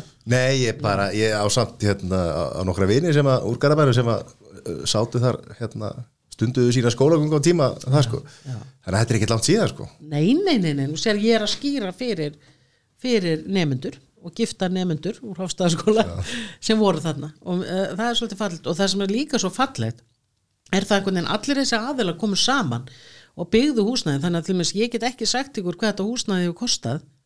Þú veist þetta varða einhvern veginn bara svona samvinna. Þetta er, þetta er skuldlaust húsnæði skiljiði og margnóta húsnæði það með þess að vera jókakensla hann í kjallaranum og línudans fyrir eldriborgar og svo er líka hann að smiðjan sem að eldriborgar er að smíða sem eru fyrir hérna undir safnaðarheimilinu. Þannig að þú veist þetta er sko, þetta er geggjað. Fjölnóta hús Já, þetta er svona, við, ég verið að taka saman þetta er svona þúsund manns á viku sem fyrir gegnum og safnaðarheimilið Já. En er þetta ekki svolítið eins og að byrja því að reysa safnar einminni áður nú reysir þá kirkjuna sjálfa er þetta ekki svo að byrja, byrja maður að reysa þakið og setjum veggina síðan er þetta ekki svolítið Nei. að byrja á öfum endanum eða? Nei Sko því það alls það er hægt að hafa sko mér varst þetta og þetta svona lýsandi fyrir prestin sem var hann að Braga Freiriksson heitinn hann var svo rosalegur æskulisprestur og hafði svo mikil áhuga á safnaða starfi og þetta er alveg dæmigert sko að það var byrjað þú veist hvar var það sem var hægt að halda kóræfingarnar og það sem var hægt að halda hérna og svo var bara hérna svona salur sem var bíósalur og hann var bara á sunnudöfum þá var bara tjaldið sett upp og, og, og, og, og dreigið frá tjöldin og, og þar var bara sett altarið og þar var bara messað inn í bíasalunum Já, Já, mér finnst þetta alveg, sko, þetta finnst mér geggja og við erum eins, til dæmis núna, nú er nýkomið nýtt hverfi urriðaholtið og bara hérna og menn hafa verið að segja, sko, söfnur er næstu helmingast síðan ég kom í Garabæn og menn er að segja, sko, að það er ekki að byggja kirkju þar og það er bara allir, nei þú veist, við ætlum að fá að vera með við hefum verið að ræða við hérna eh, skólan, í nýja skólan, hvort við megum vera með sunnudagaskóla þar á sunnudagum og hérna vonandi gengur það eftir. Þannig að þú veist, við viljum sko miklu frekar sko vera í samstarfi við einhverja sem að að byggja, við ætlum ekki að fara að setja þriðju kirkjuna þar. Heldur sko vera einmitt í svona af því að um, húsnæði skiptir ekki megin máli heldur bara að það sé einhver aðstæða sem er, er, er svona funksjóalt, það gengur vel að hafa hlutina en að það þurfa að vera með hérna ákunnu þekki og krossi og það er, það er ekki nöðsilegt. En er, eftir áltarnes fyrir inn í Garabæ, er þá bestast að kirkja nummer 2? Nei, sko, það er Vítalinskirkja og Garðakirkja sem eru auðvitað einn garbaðinga þess að þeir eiga þessa kirkjur en Bessastæðkirkja er þjóðaregn hún er ekki sóknarkirkja. Þannig að það er bara forsetin sem er svo elskulegur að segja, heyrðu, jú, það má vera hérna eh, eh, eða forseti embættið sem að eh, sem sagt, Þetta breytist eftir Óli hætti. Nei. Nei, ok. Óli var sko Ólafur, það var frábært eiga samstarfi hann um bestakirkju hann að guðna? Nei, ekkert, en ég bara var svo, mér var svo frábært þér af því að ég kem, þegar ég kem sko, að hann var sko, var svo skýrt hjá honum hann sagði bara, þú veist eh, ég sagði einhvern tímann álpaðis til að segja sko að fórsetin í kirkjuna, það var ekki fl- flott setning og þá horfði hann á mig bara og sagði nei, þjóðin á kirkjuna Já. á Bessastæðkirkju, það er þjóðin Jónar Hrönn Ég er með það er partí, alveg rétt. ég er með partí á lögadöfum og sunnudöfum en annars með ég nótana en sko þannig að það er fórseta embættu eða fórsetin sem segir heyrðu, hérna, hér má vera, við erum bara með samninga við, við rauninni fórseta embættið um að sé messaðan okkur sunnudag og, og hérna fáum að hafa fjölskyldu guð þjónustur og, og hitt og þetta. En Hvað er margir prestar í Garabæn? við erum þrjú. Já. og það, er, sko, og, og það sem er svo merkilegt þar að það eru sérst tvær sóknir. Sko, þó Altanissið og, og Garðabær sé orðið eitt sveitafélag þá eru samt, er þetta tveir söfnuður Já, að við höfum ekki breytt í bara til að því það er svo frábært að hafa tvær sóknarnemndir og hafa tvent á öllu og, og hérna bara eigu starfið og sjálfbóðlega þjónustuna og svona bara eigu virkni. Þannig að við höfum bara haldið áfram því að þjóðin á bestakirkju, hún er ekki sóknarkirkja. En er það Vítaliskirkja og Garðakirkja saman með Garðasók? já, já við erum að fræðast alveg hellinga. Svo er bestastæðasókn og það er sko, það, það er rauninni fólki sem býr út á altanissi, en þetta er samt eitt sveitafélag og ég er sóknarprestur í báðum sóknum sko. En, en hérna en svo er aftur á móti Hans Guðberg sem er, við erum þrjú Hans Guðberg og Henning. Þeir, Henning er, er, er mest bara inn í Garðabæ en, en Hans Guðberg hefur fyrstu þjónust og alltanis og hefur borið ábyrð á starfinu þar. Og er rauninni virkar eins og sóknabrestur að því að, að hérna það þarf að hann er þar alveg dagstaglega með, með aðstöð skilur þig Já. það maður ennþá að fá svona stimpil í fermingafræðslu bækurnar sem að maður Heyrðu við hættu því fyrir tveimur árum er það? Já, Já, meistari En sko. nú er þetta komið í appi sko, það skanna þetta heyrðu, en sko málum við höfum alltaf gert það og það voru margir óanæð með það, sérstaklega sem að mömmur sem bara Jóna, þú verður bara að láta það stimpla. Ég er svo upptikinn að því að þú takir sko og, og við, við Henning sem eru saman með fermingafræðsluna, að við erum svo upptikinn að því að þú takir sko siðferðislega ábyrð Shit. Og við segjum sko hérna, við krakkana, það er bara þannig þegar að mæta átta til tíu sinni með messu yfir hérna veturinn og, og eitt af því er óskamessan þeirra sem að þau undirbúa bara sjálf og, og það er bara alls konar í henni hérna, hvað heitar hérna rapparabræðurnir, þeir eru búin að koma tvisvar og, og, og sjá um tónlistina svo æðislegir Rappara bræðunni nei, Já, ok, já. vinirnir hérna ungu, hvað heita þeir? Já, Jói P. og Króli Já, Jói Vel P. gert. Þeir hafa til dæmis verið síðustu tvær og sko það, það, er svona mess, svona tvær messur sem krakkarnir undirbúið sjálf og fá að óska sér hvað á að vera í messukaffinu, alltaf donuts og eitthvað svona. Og hérna pizzur og, og, og, og svo, e, svo eru alls konar alls konar náttúrulega mikið helgihald og ólíkt helgihald. Og við erum að segja bara svona svo þið sjáu, þú veist, hvað, hvernig er þetta í kirkjunu, þú veist, þau koma kannski á jólunum og eitthvað. Og síðan eh, hérna skrifaðu inn í svona messubók þar sem þau eru svona, þú veist, hvernig fannst með sálmanni, þú fannst með gaman eða þú veist, talaði eitthvað til mín og, og þau eru svona vinna með það og, en við hættum að stimpla og ég sagði við það og svo bara í vor þegar að því þau koma öll í viðtal um vorið, hvert og eitt þeirra 160 stykki í vor, eða 165 og, og þá bara horfist við augu og þú segir mér bara fórst í marga messur Ég hitti miklu þægilega sko. Ég held ég að fara í fjórar og fekk tíu stiflar sko. ha, Þetta nú við pítu nú við. hvar varst þú? Ég var í Dyranskirkju Hjá hann Gunna Já, ok. Og býtu, og férstu stimpilin lánaðan? Nei, ég er nefnilega fó bara Það var hópaðist, það var ekki inn í röðin Það bara hópaðist í kring og hann stimplaði alltaf Og ég fór alltaf og let stimpla og svo fór ég á fletti og, og, og aftur yfir alltaf Hann stimplaði aftur Bara fórst alltaf aftast í var það var-.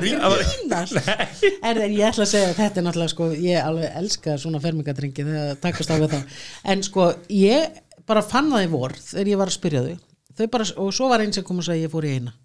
Og ég bara, ha? Býtu hvernig við að semja um þetta? Þú veist, ég sagði átta. En þau hefðu yfirleitt og einn sem sagt í fyrra, hitti fyrra, eða nei, hérna fyrir ári að vori, hafði farið 20 sinn. Ég bara, hvað er að frétta? 20 sinn. Já, ég var alltaf á æfingum sko klukkan 10 og svo var ég að hjóla heim klukkan 11 og ég varst eitthvað bara svo notalegt að koma við á leðinni. Þannig að hann kom alltaf við á æfingum í 20 sundagir röð. En þessi er það sem að kom bara einu sinni. Já. Þetta er náttúrulega í Garabæ Hún sagði sko Þessa helgi sko var ég í London Já. Einu helgina var ég í París Svo var, heita, var ég í skýðum í Sevilla. Já, þú segir það. En, sko, en, en þau, voru rosalega jú, ég, sko, ég sagði bara við krakkar þú veist maður, sko, nú er það að taka sko, þið eru bara þið ætlaði að segja já í vor þið eru að taka ábyrð á ykkar trúalífi og þið takja ábyrð með því að skrá okkur í fermingafræðsluna og veri í fræðslun og taka svo ákvörðunum voru hvort þið vilji fermast. Og, og líka varandi þetta þú veist, þetta, hérna, það er alveg þetta er val að koma, þetta er ekki skólaskylda. En ég ætla að segja að, taka, þú ert að skóla með til hérna, er það grínast? Já, ég tek það að en ég að sko. ská, ég en en ég ætla að segja annað.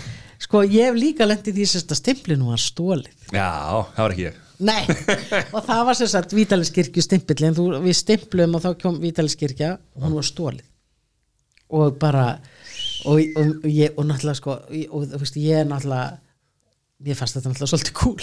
Þú veist, ég sagði hver, yes, en bara hvað? Stela kirkjun Já, Já, já, svo náttúrulega bara einhver sem seldi Stimplun á 2000 kall og svo heyrðu, já, hann var náttúrulega nákvæmlega því sko, hann var byrjað að En það er væntalega, hérna Nei, sko, mér varst þetta ekki cool, en skilur, ég hafði smá húmor fyrir þessu, við skulum nú orða þetta betur, Já, já. en sko, svo í fermingatímanum eftir, þá hugsaði ég bara með mig, ég nenn ekki að fara að skrifa fóreldrunum, segja bara, heyrðu, stimplin minn á stóli og ég bara, sagði við strákana, þau eru sko kynja skipt og ég var alltaf vissum að þetta var eitthvað strákanum Þetta var Patrik Stelma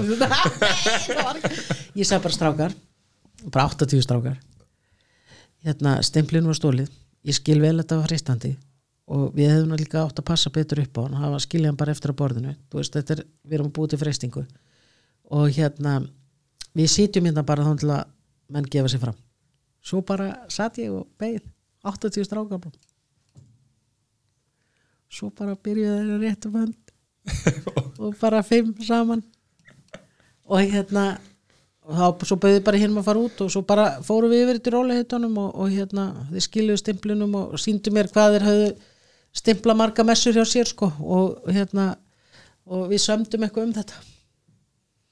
Grimm, grimm. En ég sagði fóreldram, ég sagði ekkert fóreldram frá þessu. Þú ert ofnbyrð þetta núna? Já, já, Þetta var í fyrra, sagði nei, þetta er ekki fyrir það er örgulega fimm ár síðan. Ekki segja það. Nei, nei, það er einhver ár síðan. En ég hugsaði svo þa- þarna sko þetta var bara ótrúlega flott tilefni til fræðslu. Já. þú veist, bara, ég var bara ræða þetta veist, og, og, og líka fara bara gegnum tilfinninguna hvað þetta verið freistandi, ég sagði bara við að mér hefði alveg getað dottið í dug þegar ég var 14 ára. Algjörlega, kannski ekki að selja hérna stimpla en, en að stimpla mína bók og svona ég vil svo bara skila þessu sko. Já. Þannig að þú veist ég Hitt er miklu betra að láta bara stempla nokkur sinnum eftir perra messu. Já það er En hérna, svo eru hérna giftingar. Er það ekki skemmtilegast að svona hérna Jú, Skemmtilegast voða að, að, aðtöfnin, segjum við það. Jú, er voða gaman að gifta. Hvað er skrýtnasta gifting sem þú tekið þátt í? ég er með góður. Það var ykkur bandaríkjumenn nú man ég ekki nafni á hann sérst Sem betur fer. Nei Jú, þú getur þetta fyndið út. Hann, googleða, hann skrifaði sérst hann fekk áhuga fyrir hérna lundum. Og skrifaði bók um lundan barnabók held ég. Og, og þetta eru sko ég veit ekki, ég er bara verið 30 ég er 56 ári í dag. Og, og hann er svona rosalega upptekinn af lundum upptekinn af Íslandi og sérstaklega upptekinn af Vestmannum og, og sérstaklega upp- upptekinn af Stórhöfða. Og, og þau bara koma til Íslands til að gifta sig og Ég ætla að segja hann hefði komið einnanda bara á Nei. gíslunda og, og, og býður okkur sérst Bjarna að koma upp á Stórhöfða og, og gefa þau saman. Og hérna og þetta var sko það var bílaveður það var svo trillt að sko hárið og mér svolítið meira hárið það svona bara slóst í andlita á mér og bara maskarinn bara lag og, og hérna ég stóð bara þarna í einhverju brjálu veðri og sko bara fram að einhverju kletti og ég sagði bara nú bara sko fíkur lið út og einn ge- gestana kom niður og, og, og í svaðinu rann fullari maður og bara rann niður alla brekkun og ég held að hann myndi bara fara út í sjó. Og svo til að toppa þetta þá kemur sko stöð tvö og tekur þetta upp og, maður, og ég bara svona, alveg svona ógleymanlegt sko, ég sagði bara hvernig lítum við út? Þau í einhverju sportfötum og með því lit klestári og við öskrandi bara blei, blei, bara móti storminum. Og þetta var svo klikkað og brjálað og hérna ógleymanleg stund. Svo giftum við einu svona þjóðati saman. Það voru bara æðislega krakkar sem mættu bara á gallabuxum og eins lopapessum og, og, og, giftuðu upp við þjóðati það var gekkja mm Eyja fólk eða? já, og hérna þannig að það er svona ímislegt ímislegt hérna einhvern tíma var ég hérna beðin að koma til Bjarnari ég var ekki til í það, það var svo bratt sko ég man nú ekki, það var einhver annar sem fór í það Já. ég bara var svo loftrætt og ég bara ég veit að stíðin þar það er erfitt að komast upp og ég ætla ekki með minn feitarass að rinja þarna niður ég bara ekki það við- var einhver, fór einhver annar í það Sæður ekki við þetta hjónum á ekkert eftir að koma upp en svona þannig að það, ég, sko, ég gifti heiðmörkinni og, og hérna Er einhverju búningar og eitthvað svo lýsa? Þessum, það með lopapeysuna var mjög fallegt og, og þau voru, svo þarna, þessi amerikanar sem voru bara í 66 gráðu norður, eitthvað algjör átvitt og ég hefði betur farið í eitthvað svoleiðis líka því að þetta var hörmulegt sko. Og hérna e, nei, ég man nú ekki eftir neinum í sko, Var heyrtu Star Wars brúkaup og eitthvað svona? Já, er það? Ég, veist það, það er ekki e, sko, auðvitað fólk hefur alveg verið hérna svona, sérstak, sérstaka já, já, en ekkit eitthvað, ekki búninga Nei. ekki, ekki þannig Nei, fólk tekur þetta Ekki íslenska þjóðbúningnum eða? Nei, konur er ekki mikið að gifta sig í þjóðbúningi En er, er, er búið að breytast mikið sko frá því þú byrjar að gifta og núna, þú veist, er þetta orðið meira lús og þú veist, þú veist fólki veist einhvern veginn alltaf erfitt að klappa eftir, eftir hérna tónlistar atriði og svona, þú veist, það er alltaf einhver, það er einhver að taka skari sko. eða presturinn að segja, herru það má klappa hérna, ég sko það hefur verið klappað hjá mér í jarðaför er það? hvað var það? Nei það hefur sungið.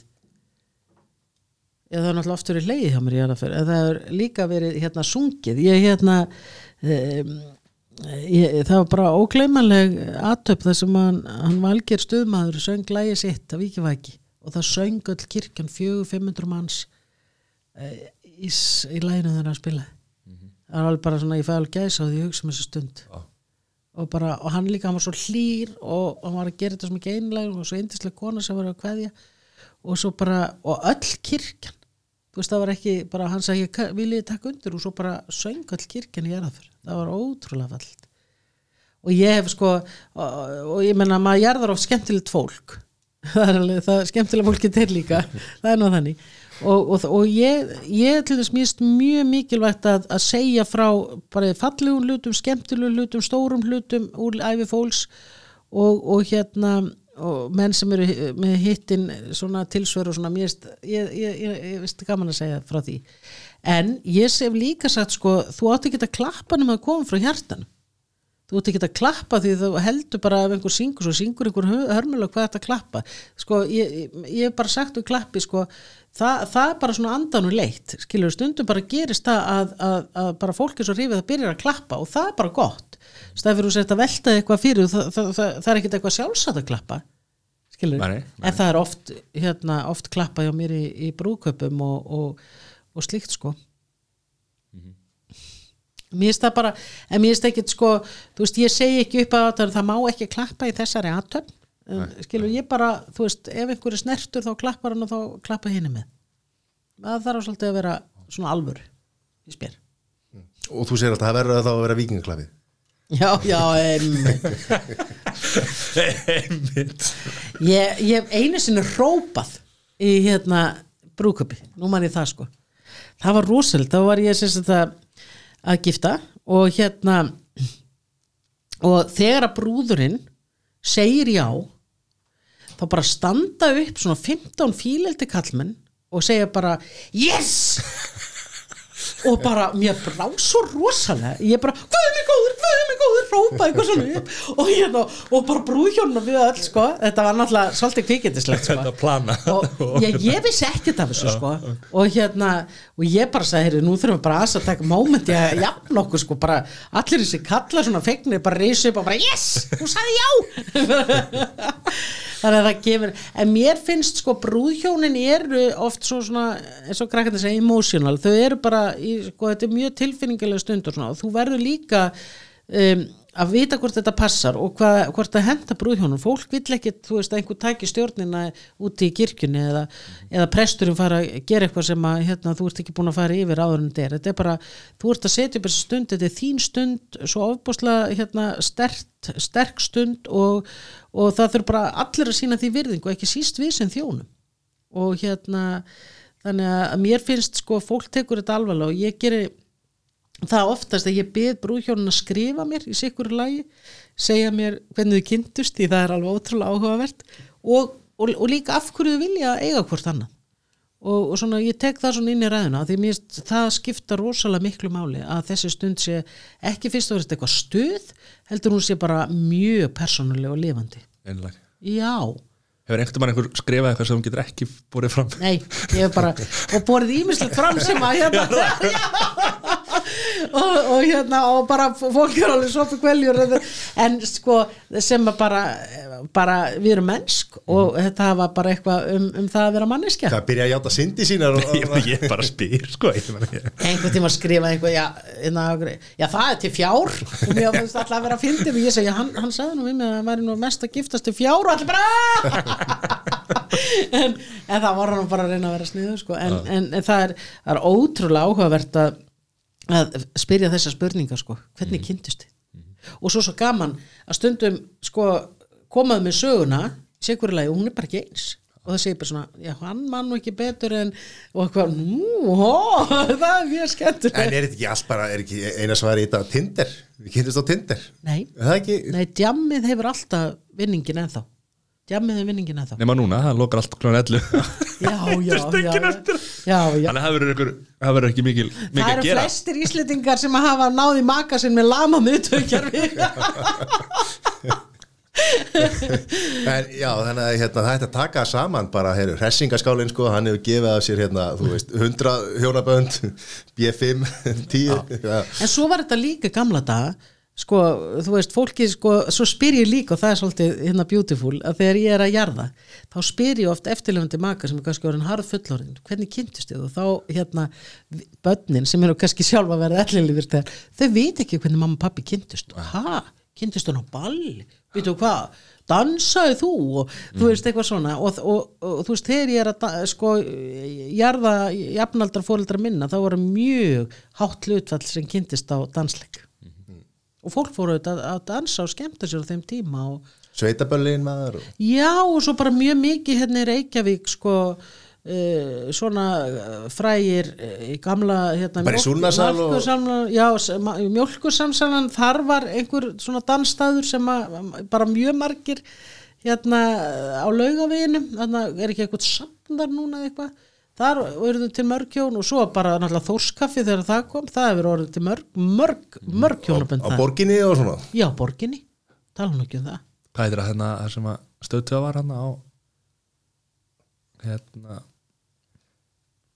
nákvæmlega. Er skattalíðinni já, Já. var ekki þar, það var hérna. Það var það ekki eitthvað félagsmiðstu Jú, það var félagsmyndaldi Já, já, bara pottið fyrir mörg Já, er, en sko en dansin er náttúrulega og, og, og það fó- Gömlu dansarnir, Já, og, fólk dansaði mikið þetta miklu meira, nú hoppar fólk Já. en sko þá var fólk að dansa og taka upp hald og þetta var mikið nánd og, og sáust sko ofbósla margir sem að hafa verið fættir sko fyrir og kringu setni heimstyrjöld sem að kynntust á dansleik.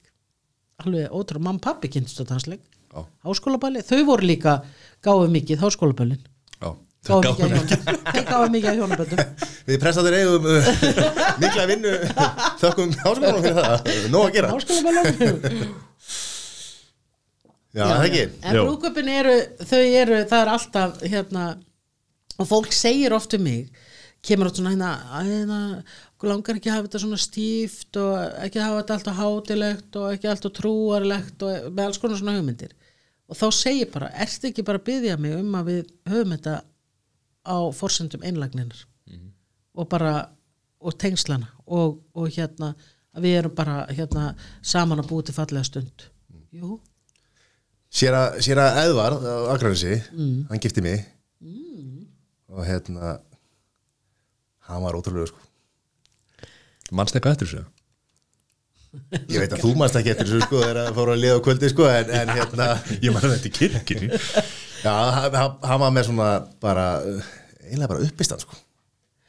Hann náttúrulega rítumundur og hérna skrifa, var hann skrifa hann ekki úlingabækur Jú, skrifaði náttúrulega bókina um, um Raka Bjarna.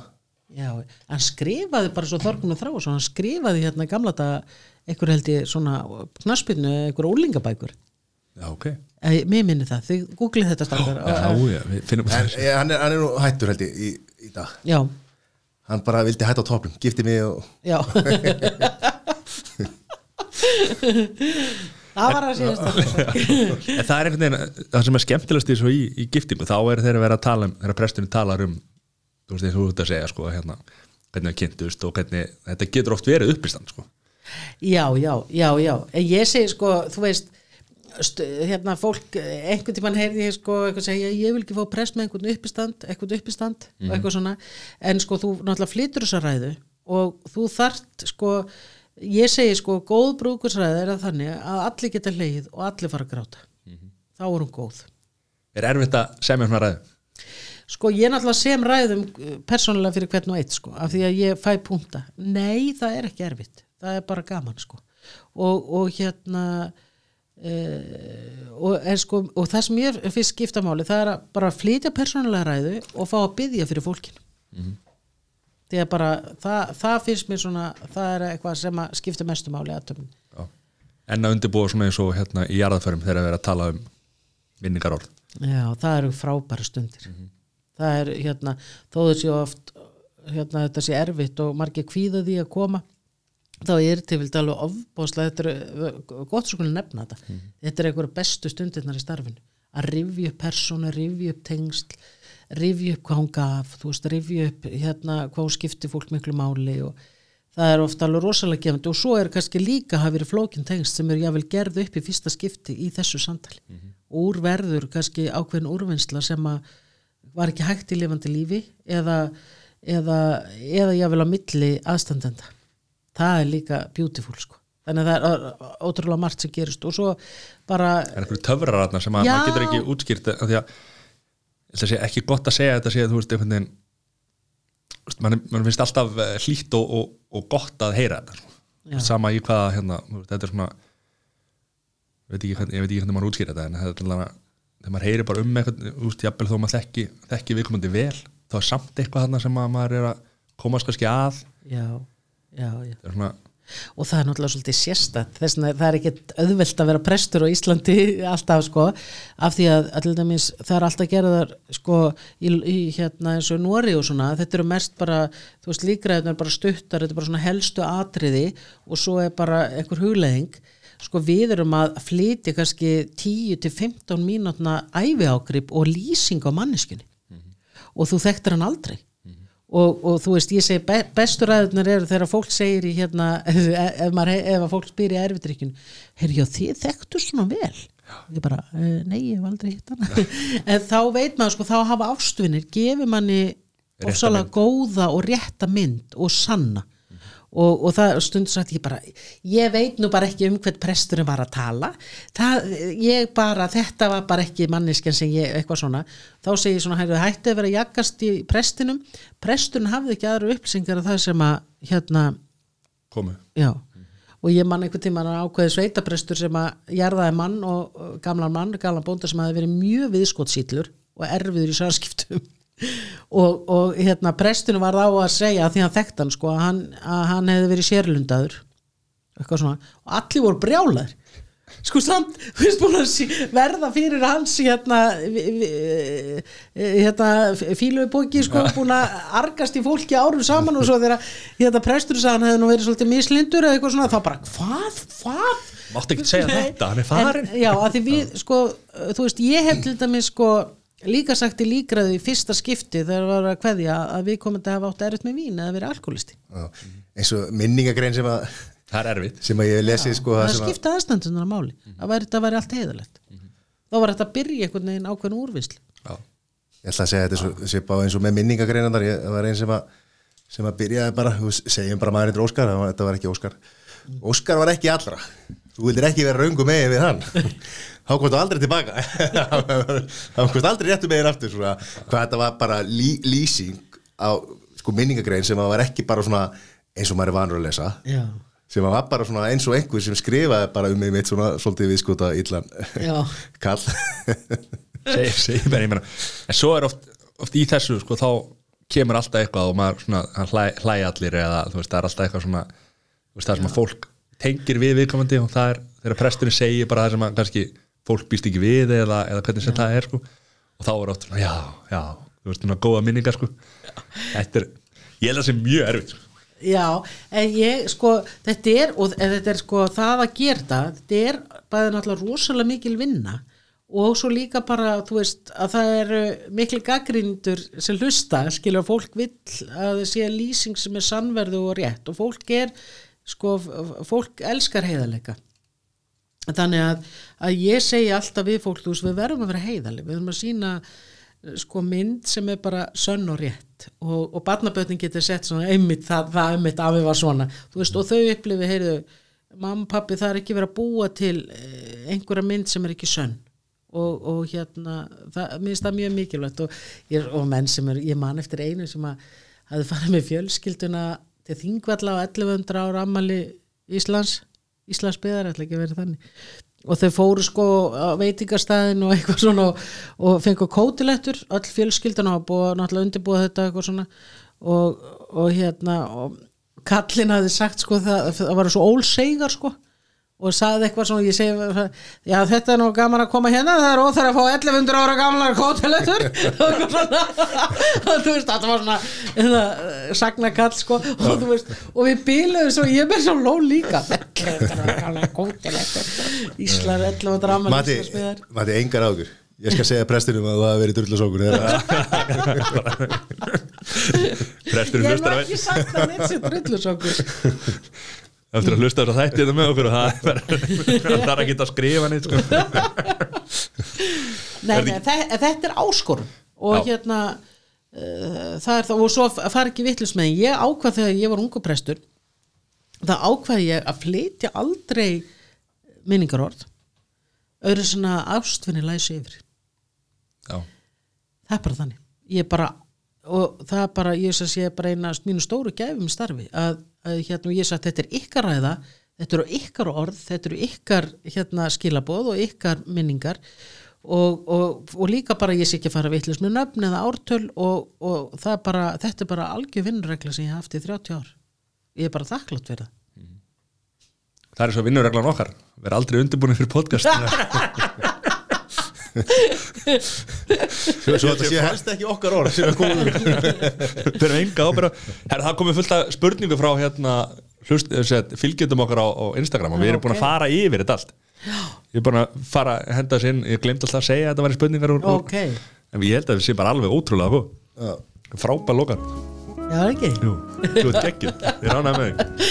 Takk fyrir. Takk fyrir að koma. Já, takk fyrir mig. Og hérna, þú ert um alla hálftíma heim aftur. Mér tekst svo ótrúlega það er aldrei að vita. Takk hérlega fyrir komuna